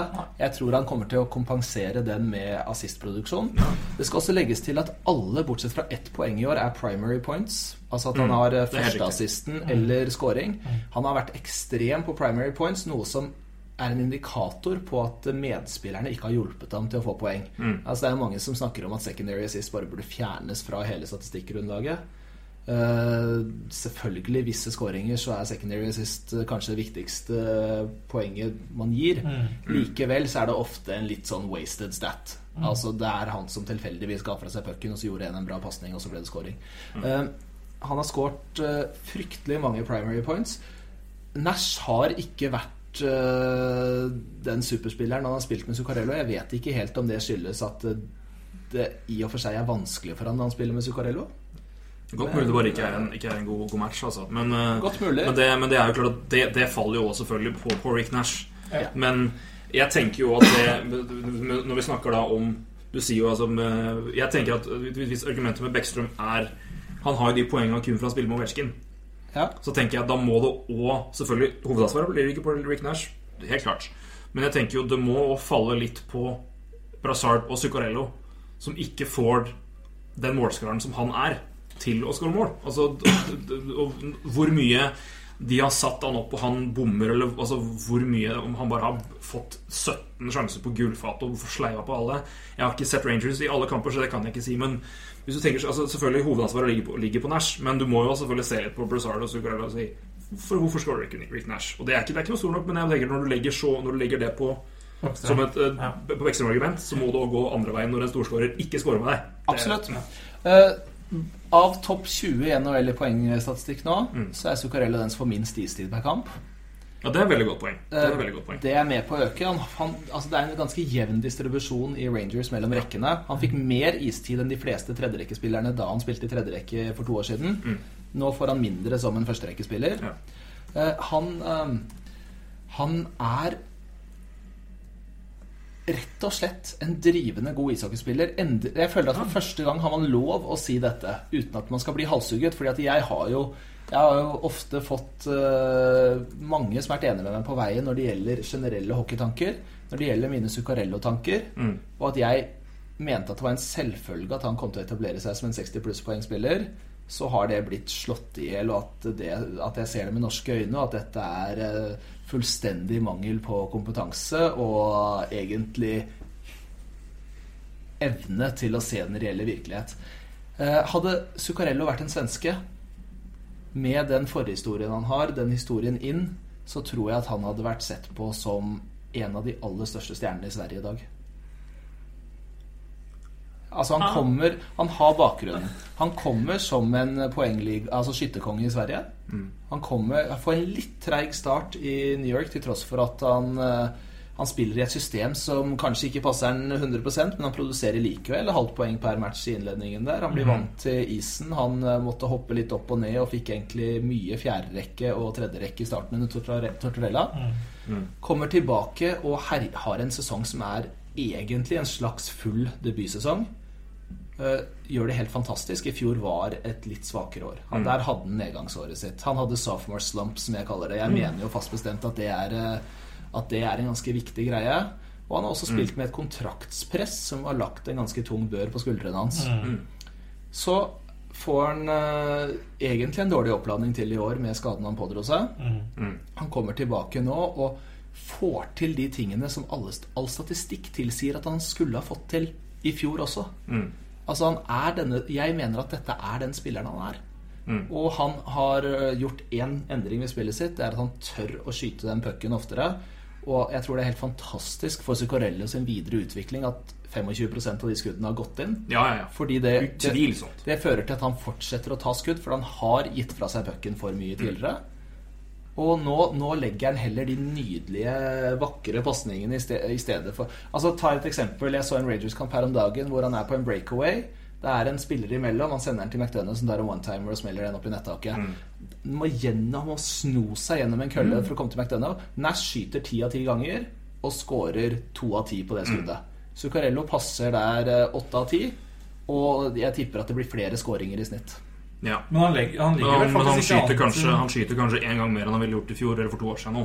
Men- for han ja. skyter litt mer. Og det, det er også viktig, altså. Det er litt usikker på. han. Ligger jo faktisk ikke an til så veldig mye mer skudd enn han hadde i fjor. Han har, han har 36 skudd på mål i år, så langt, på 18 kamper. Hadde 154 i fjor, 170. Han ligger ikke sånn så veldig langt unna det, skjønner du. Men nå har, heller, nå har Rangers også en mye dårligere skuddstatistikk i år enn de hadde i fjor. Rangers har jo faktisk blitt outshot i de fleste av seierne sine i år, og har en Corsi som har vært helt grusom. Så Ja, langt. Dino, så det- PDO er helt De har en, ja, de har har vel 107, har de ikke det? Ja, altså, Zuccarellos personlige PDO, altså hvordan laget har skuddprosenten og redningsprosenten til Rangers når han har vært på isen, er på 107,1. Ja. Vi har, vet vi snakket om, vi har vi har PDO tidligere i podkasten, men jeg kan nevne det også til de som ikke har hørt vet hva det er før. Altså PDO det er redningsprosent til laget pluss skuddprosenten til laget. Eh, som gir en indikasjon på vi kaller, ja, Det er vel luck stats, er vel det det sies. Altså, Mellom eh, rundt, litt rundt 100, altså 100-102 er vel altså, Nei, 102 er nesten rekord. Det 97 til 102. 97 Ja, er, er du, du, er du, da er, er du innafor der du skal være. Ja. Er du over det, så er du Da, er det, da går det veien din. Selv om det skal legges til bare Selv om det er et sidemoment at Rangers ligger alltid høyt på PDO fordi de velger å Jeg tror nok Zuccarello skyldes mye av det. At han ikke tar de skuddene ofte, men heller prøver å tre pasninger for å skaffe større muligheter. Jeg tror de fullførte på 102 i fjor, Rangers. Jeg ligger på 106,9 i år. Ja, det er helt det er, ja, det er, og igjen, det, den største, største, største skylda for det er jo Henrik Lundqvist. Ja, ikke minst. Eh, herregud, for en keeper. Men, eh, og, men vi, skal, vi skal ta med det når vi snakker om Rangers her nå, og PDO og det laget, hvordan de presterer. Eh, og det skal jeg da- må si det for kort, for jeg, har slått meg mer og mer de siste ukene. Fy fader, så god trener Vigneault er. Han er en fantastisk coach, altså. Helt nydelig mann. Jeg skulle ikke noe si noe, men jeg vil bare poengtere det. For jeg synes det har, Vi har ikke sagt det ennå, han er altså så Han imponerer meg noe så fælt. Og det, han, går litt, han går litt vekk. Han går litt bort i all prat om Quenville og, og Babcock og de gutta der som selvfølgelig er store. Jeg, de mener de er én og to. Men uh, Ja. Eller to og én, da. Det er min coachfavoritt personlig. Men Vigneault, altså. Han, er, eh, han, han blir borte i miksen der. Men han er fy fader så god han er, og for en jobb han har gjort med, med Rangers, egentlig bare hele laget. Ikke minst suka Jeg vet at det går litt inflasjon i det å skulle prøve noe nytt. Og det som er men tenk deg Vancouver. Som klarer å fyre ham, og så Ja. henter, de, henter de Tortorella i stedet. Det, var, Nei, det er det var merkelig tilnærming. Ja, det, det, det, det, Og, eh, det svir for ennå. Og det Jeg skal nevne to av dem som, som fikk lide mest under det en kort periode etterpå. Men eh, ja, Ja, De er Men tilbake tilbake i år, da. ja, de, er, Ja, de var veldig, de veldig, tilbake, tilba veldig, tilbake, veldig tilbake i fjor òg. Og det er eh, Du glemmer det, altså. Begge gutta var topp ti-scoring. Ja. Og det Sedin-gutta, ja. og på, Jeg skulle likt å sette possession stats til, til Vancouver uten Sedin-gutta. jo Jeg, jeg har den bak Zuccarello. Er. Men en, altså, men et, et poeng til apropos med, med primary assist og mål og hele pakka. Jeg nevnte jo det Powerplay, men en annen ting også er at Zuccarello ligger Han, han deler andreplassen i NHL med i even strength goals, altså mål i fem mot fem, Ja. med Aleksandr Ovetsjkin. Og en svenske leder. Han skal jeg nevne etterpå. Apropos, får jeg legge til ett siste moment? Hvis du tar even strength per eh, 60, altså avhengig av hvor mye istid de hadde også, Mm. så var jo Zuccarello en meget god ishockeyspiller i fjorårets sesong. Mm. Der var han, Jeg husker ikke hvor han endte, men han var en sånn topp 20-spiller i ligaen. Og det var jo det powerplay til Rangers som ikke fungerte, som gjorde at han ikke fikk poeng. Altså, det er jo en grunn til at han fikk den lønna han gjorde. Ja. Ja, ja. Selv om du kanskje mener at han skulle hatt mer. Men altså, fordi han gjorde mye riktig òg. Han hadde fått mer andre steder. Han hadde det. Det Så, han hadde det, absolutt. absolutt. Han tok uh, cut. Men at, at, men at han fikk urimelig med penger, syns jeg ikke. Men han kunne, han kunne fått mer. Det er absolutt. Men eh, vi kan, eh, vi, vi, vi kan bare si det, for vi, vi nevner jo mye tall, og vi gjør det, pleier å gjøre det. Vi kan jo bare nevne det til de som ikke vet hvor de skal gå og se, og som gjerne vil vite mer om det her. Vi bruker og omtrent alltid Pocalytics. Du vet ikke om du gjør det samme? Der? Jo, jeg bruker Pacolytics, og så har jeg en annen som jeg ikke husker navnet på nå, Ja. som jeg alltid finner når jeg søker. Og det er Pocalytics. Gå dit og bare kikk rundt og, og, og se rundt og, og søk opp. Der står vel også Jeg tror vel også at Pocalytics har en definisjon på de forskjellige uttrykkene, så du Ja, vet hva, ja. hva det er. Ja. Eh, og Gå dit og kikk og se, for du ser så mye Det er ikke alt man skjønner med en gang, selvfølgelig, for det er bare en haug med tall og haug med prosenter. Så får man, men det er altså utrolig interessant å se. Det gir og, mening til slutt. bla sjøl. så igjen, vi, vi, får bare referere dit at vi, vi, vi bruker flesteparten av tallene derfra. Pacolytics og Hockey Analysis bruker jeg. Hockey analysis også har jeg brukt War veldig on mye. Ice. War Nice, Ice, War Nice og veldig, veldig bra. Sporting Charts. Men også, da- er mye gode sider her ute. Vi ba jo folk komme med en liten liste her. Jeg, skal, jeg, skal, jeg kan nevne tallet her, det vi har fått opp. Eh, Vi har altså alt fra tre Det er veldig, får vi si fire, da. Det var vel fire fra Sverige. Til 22. To- 22 var det Linus? 22. Nei, det var ikke Ja. Linus modererte seg til Ja, 14. ja han modererte seg 14, ja. 14. Så Hvis du ikke vet hvem det er, så er det redaktøren hans Pro Hockey. Pro Hockey i Sverige, som har NHL-timen sammen med Uffe Bodin. Ja. Som jo er en, også en flott, flott podkast. Ja. Som vi anbefaler. Men eh, igjen, det var altså Jeg kan nevne det. Altså, det var 14, 8, 5, 10, 4, 10 igjen, 8, 22. Rundt 10, 17 Altså det, det, Jeg vil si at snittet her ligger på en liten bit over Altså ja, 12, da. 12. Grovt regna tror jeg det ligger, vi ligger igjen på 12, tror jeg. 12 er. Var dette generelt, eller var dette svenskene? Det er generelt Det er sett. generelt, Ja. altså. Og Det- svenskene? Ja, det, det var veldig mye gode låter. der. det Altså. var, der var det, det vil jeg si. Rundt 10 er det det som liker Ja, mest. Der. det var faktisk mindre òg på enkelte der. Så 8, 9, 10, 8, 9, 10, 8, 9, 10 er det svenskene tok. Og det var stort sett er, eh, der, men, ja, men igjen, det, det, det kommer igjen an på vurdering av form. Altså igjen, Skal du velge form nå, så er det veldig få som er foran Mats Zuccarello Aasen. Det er ikke Ja, ja. det. det, er, det Han er kanskje den mest eh, formsterke spilleren. så det, det, hvis jeg skulle valgt form nå, så er Lundqvist. det Lundqvist, Karlsson og Klingberg ville jeg ha tatt foran deg på, Ja. på, På form, form, på form og prestasjon nå. Uh, that's it. Men uh, rent historisk sett, jeg skal ta lista mi, og så blir det spennende å se. Ja.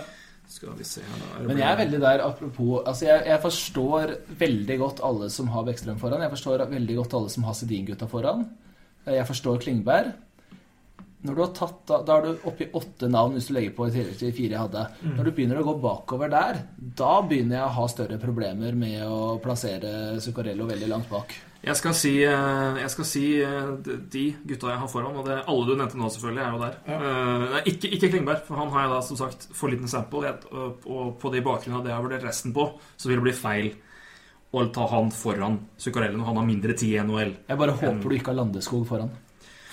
Eh, nei, jeg har landesko på, uh, på, uh, på, på i gruppa hvor jeg mener at det er lik, likt. Jeg mener det er samme, samme grupperinga. Men jeg er også veldig veldig svak for, for Gabriel Landesko. Altså, jeg mener han er en veldig god spiller. Men jeg har da Lundqvist, Karlsson, Hedman, Setteberg, Sedin-gutta, Bekkstrøm. Og jeg har to til. Jeg har tatt fjerna én ned nå, og det er Niklas Kronvall. Men jeg var lenge usikker på. Han har vært en så ekstremt god back så lenge. Men han Ja, det han har, han, har vært, han har vært så Babcock-spiller. Så det, det, det, det må jeg ta med i beregninga. Han har vært, en, han har vært en, et S under Babcock. Får jeg lov å reformulere spørsmålet til deg? Ja. Bare sånn mens du går gjennom her. Du skal vinne Stanley Cup i år. Mm. Du forlater klubben etter årets sesong. Eh, hvilken spiller vil du heller Hvem vil du ha på laget? Du har et ikke-eksisterende lag for øyeblikket. Du skal fylle det opp etterpå. Vil du heller ha Kronvall da på laget enn Zuccarello? Nei, men da er det andre forspillet jeg ville hatt foran Kronvall. Da ville jeg hatt andre, men da er det også, da ville jeg hatt Strålmann og Hjalmarsson foran, Kronvall der. Ja, det vil Fordi, det. Ja. fordi de er Men det er Og det er sånn jeg mener, for det er sånn jeg Av verdi så er de altså Det er sånn jeg mener de er så undervurderte som spiller Hjalmarsson og Strålmann syns jeg er fantastiske backer. Ja. Og er ekstremt viktige backer i dagens NHL. Men det er vanskelig. Men jeg, altså jeg kan ikke med god viten sette dem over på sånt, men, men de, jeg mener, de er helt på nivå der. Så jeg, jeg kan ikke det. Men de mener jeg er helt på vippen der. Jeg husker jeg satt og eh, skrek da Strålmann ikke fikk kontrakt i Rangers i sin tid. Og da så jeg jo mye Rangers fordi jeg syntes det var gøy å se Zuccarello. Å klare å ikke få med seg kvalitetene til en spiller som Strålmann, i, som uh, Sader ikke gjorde, var helt utrolig. Nei, det, Sverige har altså, altså Kobla av forsvarsspillere som skal spille World Cup hockey for Sverige. Fytti rakkeren, altså. Men jeg har, jeg, har, jeg, som jeg nevnt, jeg har to spillere til. Eh, En er forspiller, og en er en eh, forward. Og han har jeg rett og slett foran fordi han er jeg veldig svak for personlig. Alltid likt den. Jeg mener at han er en undervurdert spiller, og han scorer alt. Han har over av én grunn, og det er at han bidrar med mer mål. Og jeg mener den målproduksjonen er ganske viktig. Og han er også spilleren som er foran på lista over even strength goals. Og han spiller som Blues. Blues. Nei. Han heter Alexander Steen. Det er Sten, ja. Han har jeg alltid vært svak for. Men den, han er den eh, Nei, jeg har alltid likt han. Og så er jeg også veldig svak for eh, den spilleren jeg mener kanskje blir mest oversett pga. hvor han spiller. Og det er Oliver Ekman Larsson. Som jeg har, er en fantastisk spek Ja. Han har en halv poeng per kamp, tror jeg, i snitt. Ja, Eh, han har hatt det litt svakt. Han altså. eh, han han har, gjort det, det beste, det mest spesielle at han har hatt en ganske svak sesong nå. Og laget har vært ganske gode, så vidt jeg har skjønt. Han har fortsatt, han har fortsatt halv poeng i snitt. Ja, ja, men- han, han- fortsetter jo med han, har, nei, men han er altså bare nei, nydelig spiller. Men uh, Og så er det så er det noen spillere her som jeg sånn, Langskog og Nyquist så Han var veldig ålreit, men jeg, jeg, er ikke Men jeg tar ikke med det der. Og Hjalmarsson Stråmann nå er, synes jeg er ut, spillertyper som altså, Hjalmarsson Hvor ofte hører du folk snakke om han? Og hvor god er ikke han? Han fikk litt Altså, kred, han fikk litt kred i Stanley Cup-serien. Det skulle bare mangle. Ja, han han har vunnet tre stykk! Ja, men han gjorde det, så å si at han ikke får kred, eller hva Nei, men altså Med er tanke på hva Hvor ofte Ja. hører du Seabrook og Keith, selvfølgelig, men ingen nevner Hjalmarsson. Nei, men det er jo ingen som nevner Bakstrøm i Washington heller, fordi han står ved siden av Wojcicki. Ja, det er jo Du kan, Nei, du altså- kan ikke sammenligne opp, oppmerksomheten på Bekkstrøm for med Hjalmarsson, altså. Med tanke på, men, han, men igjen, det er han anonym. og en strålmann. Se hvor god han har vært, og hvor mye lite snak, har vært snakk om han. Ja. Nå får han endelig det. Og han er ikke så mye som han fortjener, men eh, Nei, men nå, men, nei, men nå mener jeg han og Jeg mener han og Hedman er NHLs beste vektpar. Av hvordan de utfyller hverandre, og hva de bidrar med. I hvert fall Ja. høyt oppe der. Den, den er, må vel innrømme at hvis du regner offensiv dynamo, så er jo Markov og Subhaan Ja, ganske morsom å se på. den er også helt fantastisk. vel, men eh, Så, men, men, men det er bare av helheten der, og hvor liksom Disse gutta stoler jeg på hver Ja. enda kamp. Hedman, Stråmann, det er høyt oppe på lista mi. Altså. Eh, Du bare er føler seg ikke trygg når Karlsson er i forsvar til sammenligning eh, på samme måte. Nei, han er, men han er jo Men uh, hvem i all verden klarer å ta pucken fra han? Men, men, men, men, det er jo men det, det som er greia med Altså, Nå er ikke Hedman like risky mann. Men Mark Method, Method faktisk. Det er en ny uh, Det blir Ott og Method. Uh, fint. Det er mer navn vi kan ødelegge for dere. Men, uh, men Mark, Mark Method har jo vært en veldig god stabilisator ved Carlsson. Og Stråmann har vel vært det litt òg med Hedman. At Hedman kan ta seg litt mer friheter. Stråmann er der og bare rydder, rensker unna, leder unna. Men så er det da noen spillere som jeg ikke har sett nok av, og som jeg mener også er i diskusjonen her. Spesielt én, Hampus Lindholm, som var uh, en fantastisk viktig spiller for Ducks i fjor, og var sammen med Bors, Francois Boschman en av de, kanskje et av de beste backpara rent statistisk sett. Og det de bidro med, helt nydelig. Og det vi, vi har sagt, sagt det vi mener om kontrakten til Francois Boschman med at han er blitt savna i Ducks. Ingen tvil om det. Nei, nei. Også Jonas Brodin, samme. Jeg har også jeg har ikke sett nok han til å si noe på. Jeg vet ikke om jeg har tatt den over uansett. Men også veldig, veldig, veldig spennende spiller. Men jeg har ikke sett nok han til det. Og Forsberg òg, samme som Klingberg. Det er for lite sample size. Og eh, jeg hadde nok ikke tatt den over uansett. Men eh, også en veldig spennende spiller. Men jeg har ikke sett nok ligger liksom i samme eh, Men igjen, altså, det er jo ikke klynga som jeg bare si, Det er spillere av eliteklasse, altså. Absolutt. Så det er jo Det er verdens beste hockeyspiller vi snakker om her. Ja. Så Apropos eh, bare svensker, og vi nevner så mange. Kan jeg si hvor skuffa jeg er over at jeg hadde forventet å se en Silverberg som skulle Ja. komme inn og herje? Ja. Og jeg syns Ah, det er så synd. altså. Å, det er så synd. Jeg hadde Vi snakka Alle snakka om det. ja. At han skulle slå gjennom der. Ja.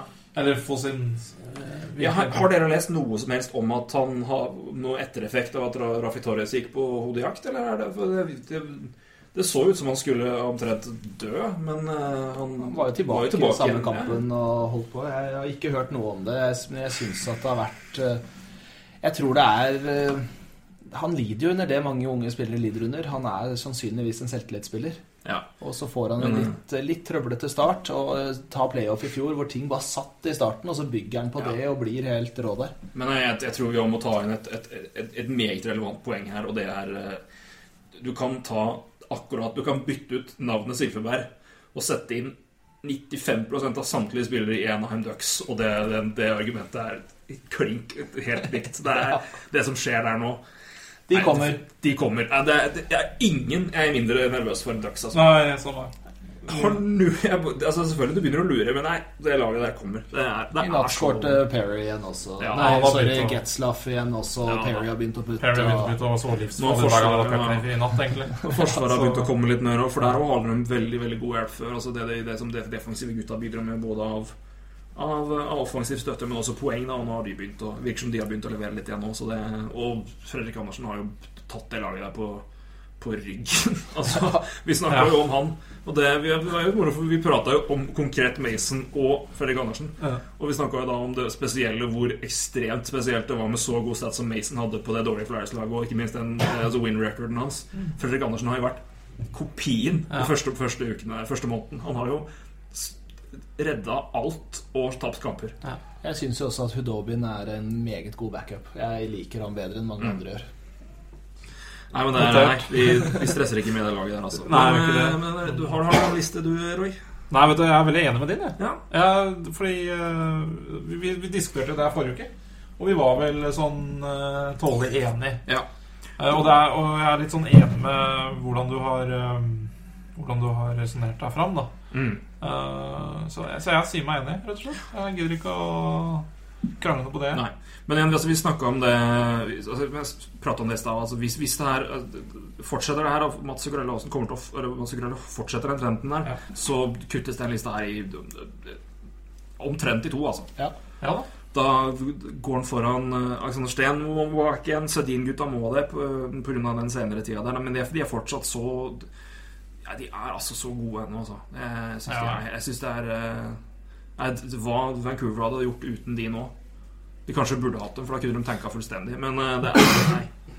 Og eh, nei. Tenk bare hypotetisk, da, på den traden hvis vi snakker om dominante rekker i NHL. Mm. Den der traden som vi snakka om nå mellom uh, McDonough og Duchene. Mm. Tenk deg Duchene inn på førsterekka mellom Nash og Zuccarello.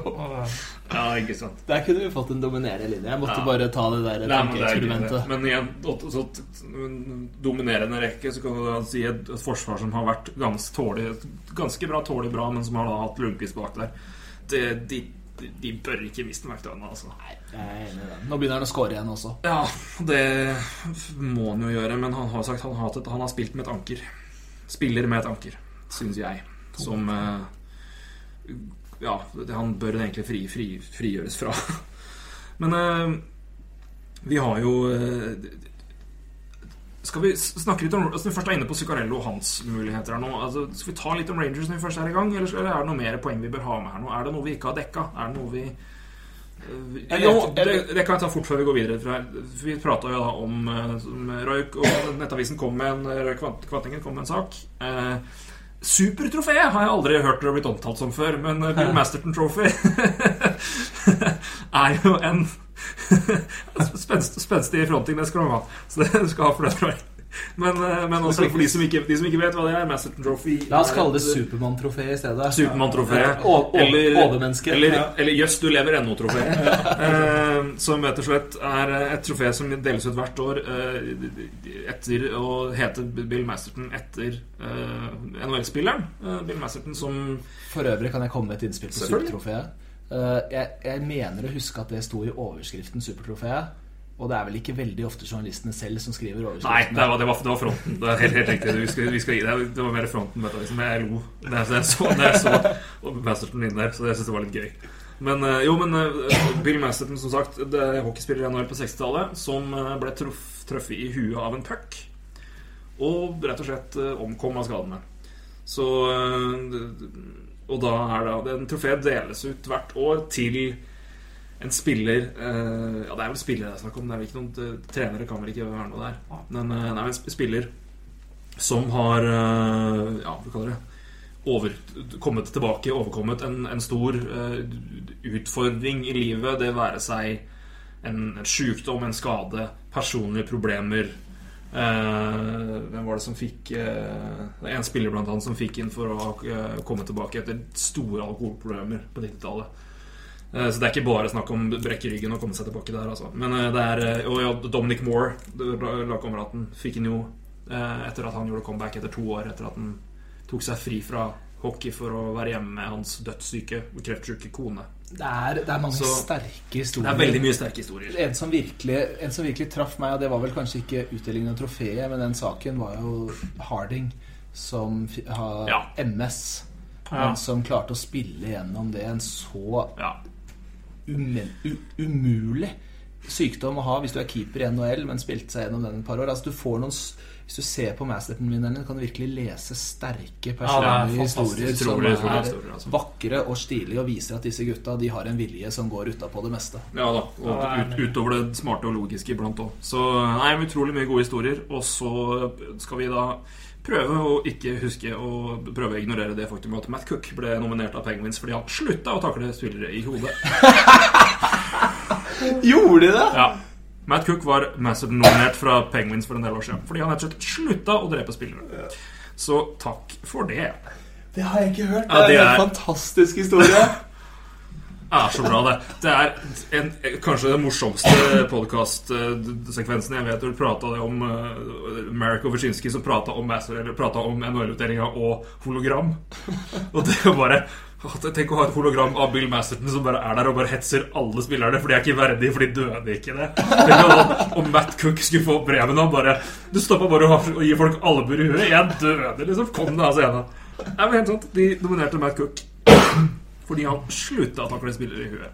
Bra nominasjon, da. det er bra nominasjon. Men, eh, Selv om jeg men, tror men igjen, det er en, det er en veldig spen, spesiell altså Det er en, en, en, en pris med, med mye sterke historier og, og mye vi kaller det, eh, guts og vilje til å komme tilbake. Og det er vel ikke Jeg blir ikke veldig overraska hvis Mats Grønlåsen vinner. Nei. Apropos Pittsburghs nominerte, sa du. Jeg vil vel tro at en av de han kjemper mot, er en Pittsburgh-spiller i Dupuis. Ja. Som, eh, som ja, har Ja. overkommet en del, for å si Ja. det mildt. Ja. Og det er, det er jo så overraskende. Altså, du ser når hvert lag nominerer én spiller hver, hvor mange sterke historier som er blant disse gutta, og hvor både røff idrett det er, men også hvor menneskelig det blir når du ser hva de er nødt til å kjempe seg gjennom for å komme tilbake på isen. Mm. ja, jeg skal Hvem var det som Nei, men Og han, Ken, Ken Danaco faktisk var det som fikk den. For han, Ja. han, han slo alka, han, slo, han var alkoholiker og overkom det. Eller er fortsatt, for øvrig. men Du blir jo aldri Du blir jo aldri helt frisk. Du må jo Du slutter å drikke, bare. slutter å drikke, bare. Så nei, Devin Dubnik vant den i fjor, da. Altså, det her er også bare et sånt personlig comeback. Og etter, etter at uh, Wild lå på sisteplass, så kom han inn, snudde sesongen og eh, tok dem til sluttspill. da Og Wild var da Dubniks femte lag på to sesonger. Så det er eh, det er, det, det, det, det, det, det det, det, det sånne historier her. Og Harding vant da, som du sier, 12-13. Ja. Så det blir jo spennende å se hva han, hva han får til der. Uh, eller hva han får til om han jeg, jeg tror det skal mye til for å, for å slå den. Uh, og vi kan jeg, tror, jeg tviler på at man tenker på det, men det er jo at han faktisk da ble truffet av en puck i huet, samme som Bill Masterton døde av, er jo også en Så er det lett å, det er, det er lett å parallell. Det er også lett å glemme hvor ekstrem den skaden var når man ser hvordan han holder på. ja, ja. Altså Du snakker her med en, en gutt som ikke klarte å ytre et ord på flere dager, og som eh, virkelig var millimeter fra å måtte avslutte hele hockeykarrieren, og heldigvis møtte på et bra legeteam og fikk riktig oppfølging, og Mm. at han i det hele tatt kan gå på skøyter, er jo gull. Men nå går han ut og er topp ti i scoring i hele NHL. Ja, det er ganske vilt. Ja da, så det er eh, Altså, vi Det er jo en ekstrem Altså, vi, vi kan ikke ta med det i beregninga i forhold til sammenligning på andre spillere, men det gjør jo det han gjør noe enda mer imponerende. Ja. Og, det, og det man var redd for eh, av at man skulle kanskje bli litt mer reservert og litt mer ja, henge litt etter, da, etter en litt forkorta oppkjøring og i det hele tatt, det har jo bare gått fullstendig motsatt vei. Så det er utrolig imponerende, altså. Det som er et moment her, det snakket jo om at mange synes kanskje at han burde bedt om mer penger som free agent og det når det gjelder kontrakt. Han hadde vel ikke hatt beste forhandlingsgrunnlag i sommer hvis han hadde stått der som free agent etter å ha gått gjennom den skaden. Nei. Og så er det vel nå altså, Han slår meg også litt som eh, en, Altså Han Da nevnte jo det òg i eh, så et TV 2-intervju med noen for Det var vel i går, det tror jeg, hvor han snakka om det med den hvor den forutsigbarheten for han faktisk var ganske viktig. Og det er den tryggheten med at han hadde kontrakt og i det hele tatt var, var en, en, faktisk en avgjørende årsak til at det hadde gått så bra. Altså nå, nå slapp han å tenke på det. Og mens noen spillere spiller bra under kontraktår fordi man spiller for livet, så er det faktisk noen spillere som, som gjør det motsatte. Tryggheten gir litt mer. Da slipper de skuldra mer ned.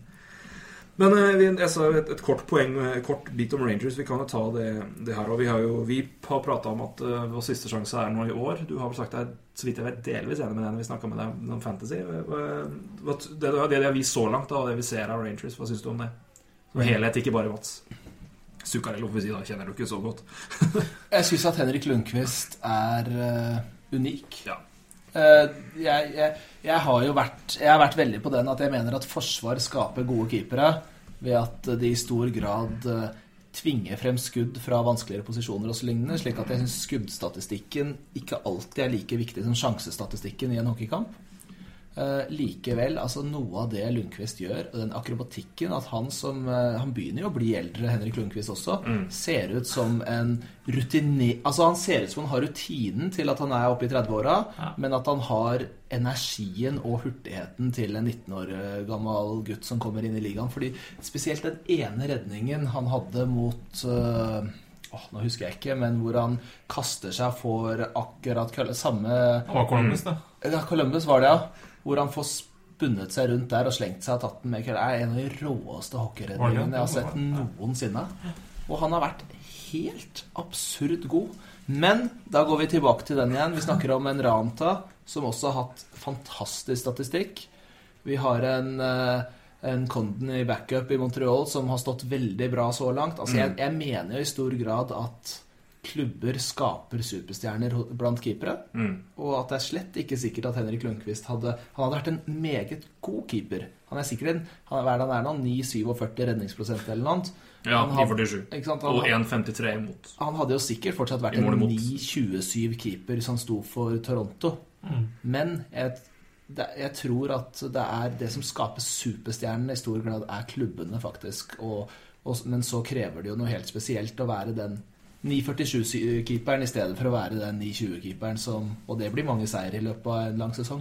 Men Han er, apropos seire, Henrik Lundqvist er én kamp unna 350 seire i NHL som keeper. Det er jo et, eh, faktisk et litt, en, en, Som keeper er det faktisk et litt viktig benchmark. Det er en, en sånn en krysning at eh, det, det er ikke så veldig mange som har akkurat den. nei. 350 er litt spesielt. Det er faktisk et spesielt tall, men det er, det er en sånn Så vidt jeg har skjønt, jeg har lest litt om det for en stund siden, at det er en sånn grense som er litt Det er litt sånn 500 mål Ja. for keeper omtrent. Og så Ikke Ja, omtrent fall. snakket til Rangers. Jeg syns tredjerekka deres var veldig god innledningsvis, men de hadde jo ekstra, jeg, jeg tror nok at det i større grad var puckluck enn en enn at det kommer til å være en Lindberg som skårer eh, 40 mål i år. Ja, Altså, nei, det, altså- Han har en helt hinsides prosent. Og det, og det, både han og, han og Stålberg har eller, eh, altså noen, noen uttelling, uttelling, ja, uttelling på det de holder på med, som er helt hinsides all, all vett. Men det, det de har vist tredjerekka til Rangers, er at de er en eh, scoring threat, som man sier der borte.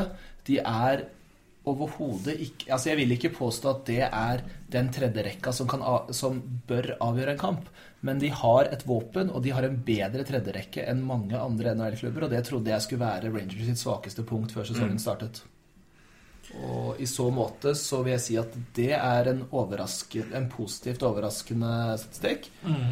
Jeg syns at eh, defensivt så har de ikke sett så solide ut som de har gjort tidligere, men Goals Against viser jo ikke det, så jeg vet jo ikke helt eh, hvordan jeg kan si det heller. Nei, Altså, men det, Lundqvist har virkelig s- s- slått til der, altså. Du kan vel se på skuddstatistikkene. Altså de de har vel. Altså du ser på Pidio. Ja, og så syns jeg at Yandel kan være Har nok vært beste bekken til Rangers i år.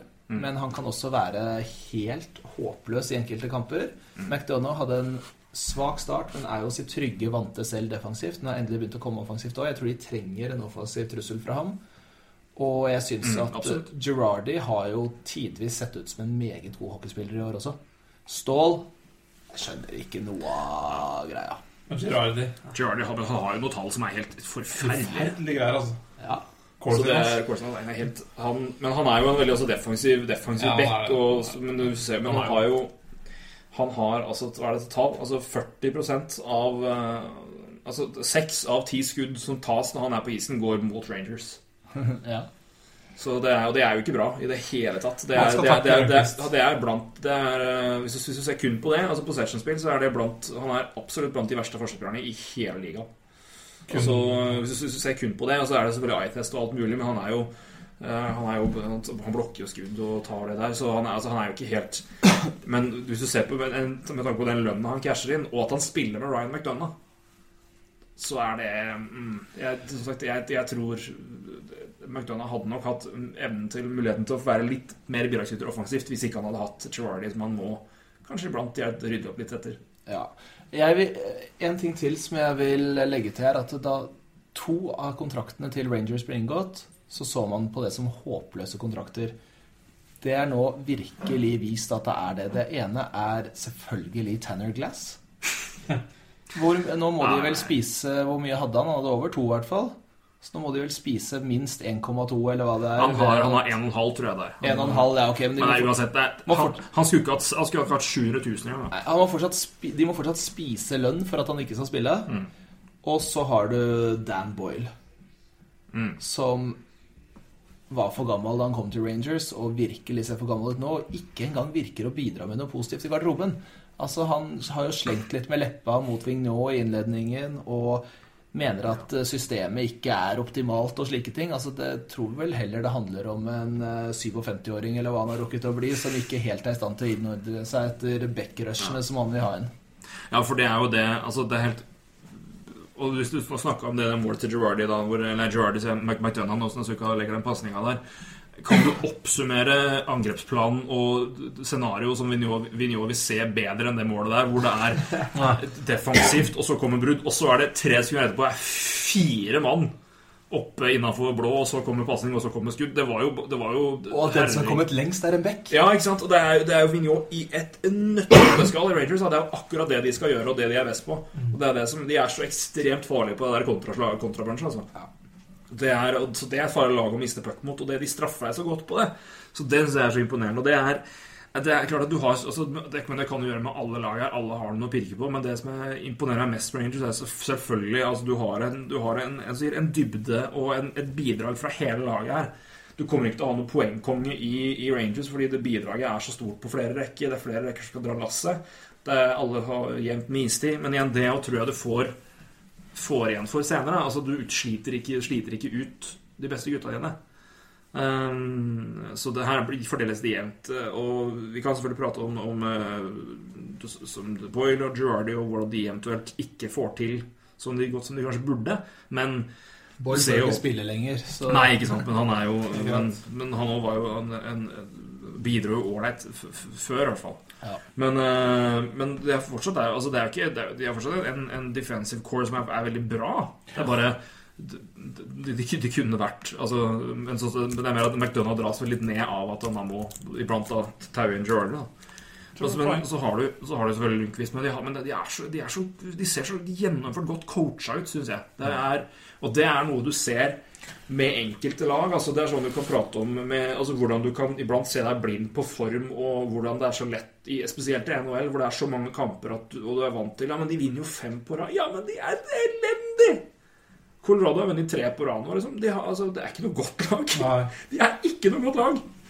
Det er Roa Jeg vet ikke om du så det mot Montreal, men jeg har sett flere, flere bilder. Altså, de, de defensive coverage i Colorado er helt forferdelig iblant. Men det blir jo overkjørt av Montreal. Ja, men det- leder plutselig 3-0. Ja, men da altså, se, det- mot det- se, det mot Philadelphia. Der vant de fi- holdt null. Men for faen, det defensive coverage og de, og det de ga fra seg, det er jo helt skrekkelig dårlig. Men, Men, på papiret ser det jo ikke gærent ut. nei, det er, men de har altså Det er noen spillere der som virkelig ikke er topp, syns jeg. Altså. Men, det, men, det, men jeg tror det bare hovedsakelig er ekstremt dårlig coacha. Vi, vi har snakka om det før, og Patrick Roa er kanskje ikke så god som man trodde før. Og i år ser du det, tror jeg vi altså, virkelig igjen. Altså, jeg har sett kun utdrag av det, så de som har sett Colorado med jevnlig, kan kanskje være enige eller uenige, og kan gjerne komme med kontraargumenter imot, altså på Twitter, men de ser bare ikke godt coacha ut. Og det, men mens Rangers ser bare Det er så, det er så tydelig hva de vil. Det er et maskineri. Det er maskineri, Det er med en gang jeg ser det. Så. Samme med, samme med Montreal og ser Ja. laget der. At det er bare det, De to lagene er godt coacha. like. Ja. Altså i fart, i og litt hvordan, de ser, altså, hvordan laget ser ut. De har jevne rekker, og de, de, de sprer ut uh, minuttene. Mm. Så jeg syns de to lagene virker veldig De ser Ja. veldig like ut. Og igjen, vi snakker om godt coacha lagshistorie vi kan- altså, Blackhawks er jo Ja. Da må vi ikke på toppen der. Og igjen, og så ser du hva, hva en, en god coach gjør med si Toronto, da, og hva de, hva de får til med altså Ikke, altså, ikke med seier nødvendigvis, sånn, men klart de har fått en form nå, men bare måten de spiller bedre hockey Ser og ut som et fremstår lag, på. Det. Ja. nei, det har så mye å si. Altså, men det, så det, igjen, jeg syns det imponerer meg mest med Rangers. er bare de- Jeg synes de ser så gjennomført godt coacha ut. Ja. Og, det, men, eh, og det lover godt for i år. Og det bør, håper jeg de gjør for deres del. For det, jeg, jeg, tror ikke det, jeg tror ikke det kommer til å skje på en stund til. Fordi de mister De kommer til å miste viktige brikker pga. penger, rett og slett. De har ikke råd til å beholde alle. Apropos Toronto, hvis noen spiller Fantasy her og ser etter en spiller som underpresterer, men virkelig jeg tror kommer til å heve seg i år, så faktisk Jeg hadde ikke trodd jeg kom til å si det første sesongen. Jeg tror Kadri kommer til å Ja. gjøre det godt her etter hvert. Det er helt, helt enig med deg. Han har altså skutt og skutt og skutt og skutt og ikke truffet. Og han har spilt utrolig godt, men ikke fått betalt. Og ikke det- skudd engang, så han treffer jo bare stenger. Ja, men det, han er eh, Nei, han er, han er helt enig med deg. Det er et godt tips. Vi må jo, vi må jo nevne det så på slutten her. Vi hadde jo med deg som fantasy-ekspert tidligere. Du leder jo nå vår fantasy-liga, så vi har jo eh, Vi må bare ta med det at vi, har, vi velger vet du, å velge rett mann. Altså, vi, vi var, hadde en lang diskusjon om Zuccarello i dag, om å prosjektere stats Ja. og prosjektere suksess. Jeg, jeg, jeg, jeg føler at det at jeg har spilt mot begge dere to i år og slått dere begge i head-to-head-kamper, kan føre med seg at prosjekteringen kanskje ikke er så krise på den Zuccarello-tankene mine. Altså. Nei da, det var greit. Vi kan vel også tenke at du fikk jo god hjelp av Zuccarello eh, forrige uke. Du kan, vi kan jo avslutte med en liten god fortelling der, for det er jo en artig, god intern kamp mellom deg og din, eh, din gode venn. Ja, hadde ikke du hatt Zuccarello, så hadde jeg du vært likt vi nå. Ja. Sånn er det. Altså, jeg tradet jo til med Zuccarello for en halvannen ukes tid siden fra Roy Kvatningen. Eh, Jeg måtte jo betale ganske hardt. Jeg fikk vel Jager og Nei, unnskyld, lurer jeg ikke. Jeg fikk eh, kutt Jeg husker ikke hva det var. Jeg fikk Zuccarello og ga bort i hvert fall Kutcherov pluss noe til. Som er en overbetaling til å begynne med. Så hadde han uka si, og nå trada jeg vel i går og fikk tilbake Til Roy igjen. Det var sist. til Roy nok en gang. Han var så deppa for ikke å ha Zuccarello, som da endte med at jeg slo Roy den uka med de poengene jeg fikk fra Zuccarello. Da trada han tilbake mot, uh, mot uh, Stastny, som kommer til å komme tilbake fra skaden nå snart, og Colton Paraiko. Og da vil jeg gjerne ta Når jeg først er gjest her, så vil jeg bare nevne de to spillerne jeg har hatt mest glede av å se i NHL i år. Vi, dette skulle jo være McDavid sitt år, som dessverre har blitt skadet. Eichel, som har, spiller på et lag Eller Eichel, som det vel skal uttales. Som eh, spiller på et lag hvor det er litt vanskelig å produsere for øyeblikket. Mm. Men, Men- satan så god han er. To rookies som jeg Å, jeg blir glad hver gang jeg ser dem spille. Første er uh, han jeg nevnte, Colton Paraiko, som kanskje er den største overraskelsen i Ja. NHL i år. Ja. Han, altså Det er greit nok å komme inn her og score, altså skåre mål eller ha assist eller spille powerplay og gjøre de tingene. Han er så maskin i forsvar. Han er sterk, han er god med pucken. Han er så kul. Og Det er så mye- avslappa. det er så Det er mye altså. Unge forsvarere som bare går inn og gjør det med en gang. Det er så imponerende. Jeg kan ikke ord for det engang. Og så er det den personen jeg tror kommer til å vinne Calder i år, som jeg tror kommer til å bli den største stjerna sammen med Eichel og McDavid, og som jeg synes er ren utopi å se spille, og det er Max Domi. Ja, han var helt han, han var mitt tips. Eller var det var det? Var det? Nei, Jeg vet ikke om vi bare landa på om uh, Jeg tror vi, vi, vi tror ikke Jeg tror du landa på Eichel, Jeg faktisk. tror jeg, tror jeg, jeg landa på Eichel. Og så jeg sa jeg McDavid, for jeg tror han kommer tilbake fort nok til å klare det. Ja, nei, men comeback. har vært uh, Ja, jeg, jeg, jeg, altså, McDavid, McDavid er unik med det med farta. Altså, han får fart. Men altså Domi er, han er altså også utrolig god på det å bruke farta til å ta driv forbi spillere. Altså. Så, eh, men vi må, jeg må gi deg kred for et annet, en annet navn du droppa i fantasy-sendinga vår av eh, spillere som kommer inn. Panarin har gjort det ok. Panarin har gjort det veldig ok. Kjære venner, skal vi sette punktum der, og vi slår fast at vi er ikke helt enige, men vi er enige om én ting. Vi har en forferdelig, forferdelig god spiller i Mats Zuccarello Aasen, eh, som absolutt er eh, en av NHLs heteste spillere akkurat nå. Og så får vi se da om han kan eh, kalles en av de beste om, eh, om en en liten stund til. For å fortsette den uh, utviklinga her nå, så eh, er ikke det så feil å påstå, vil jeg si. Så Sverre, hjertelig takk for at du var med. Som alltid veldig veldig hyggelig.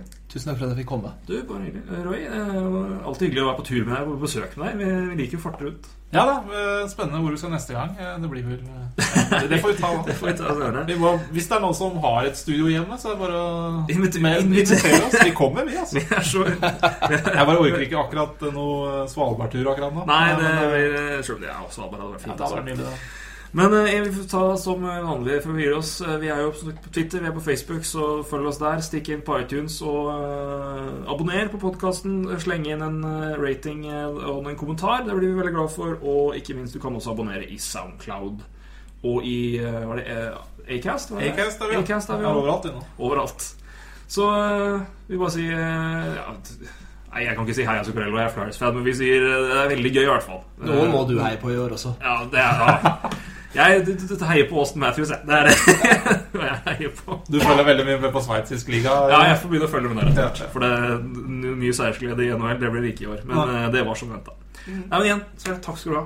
Takk likeså. Og takk til deg, Roy. Vi Og takk til dere som eh, hører på. Vi er tilbake om en ukes tid. Ja, Så eh, da høres vi, da. det gjør vi. Ha det bra. Hei.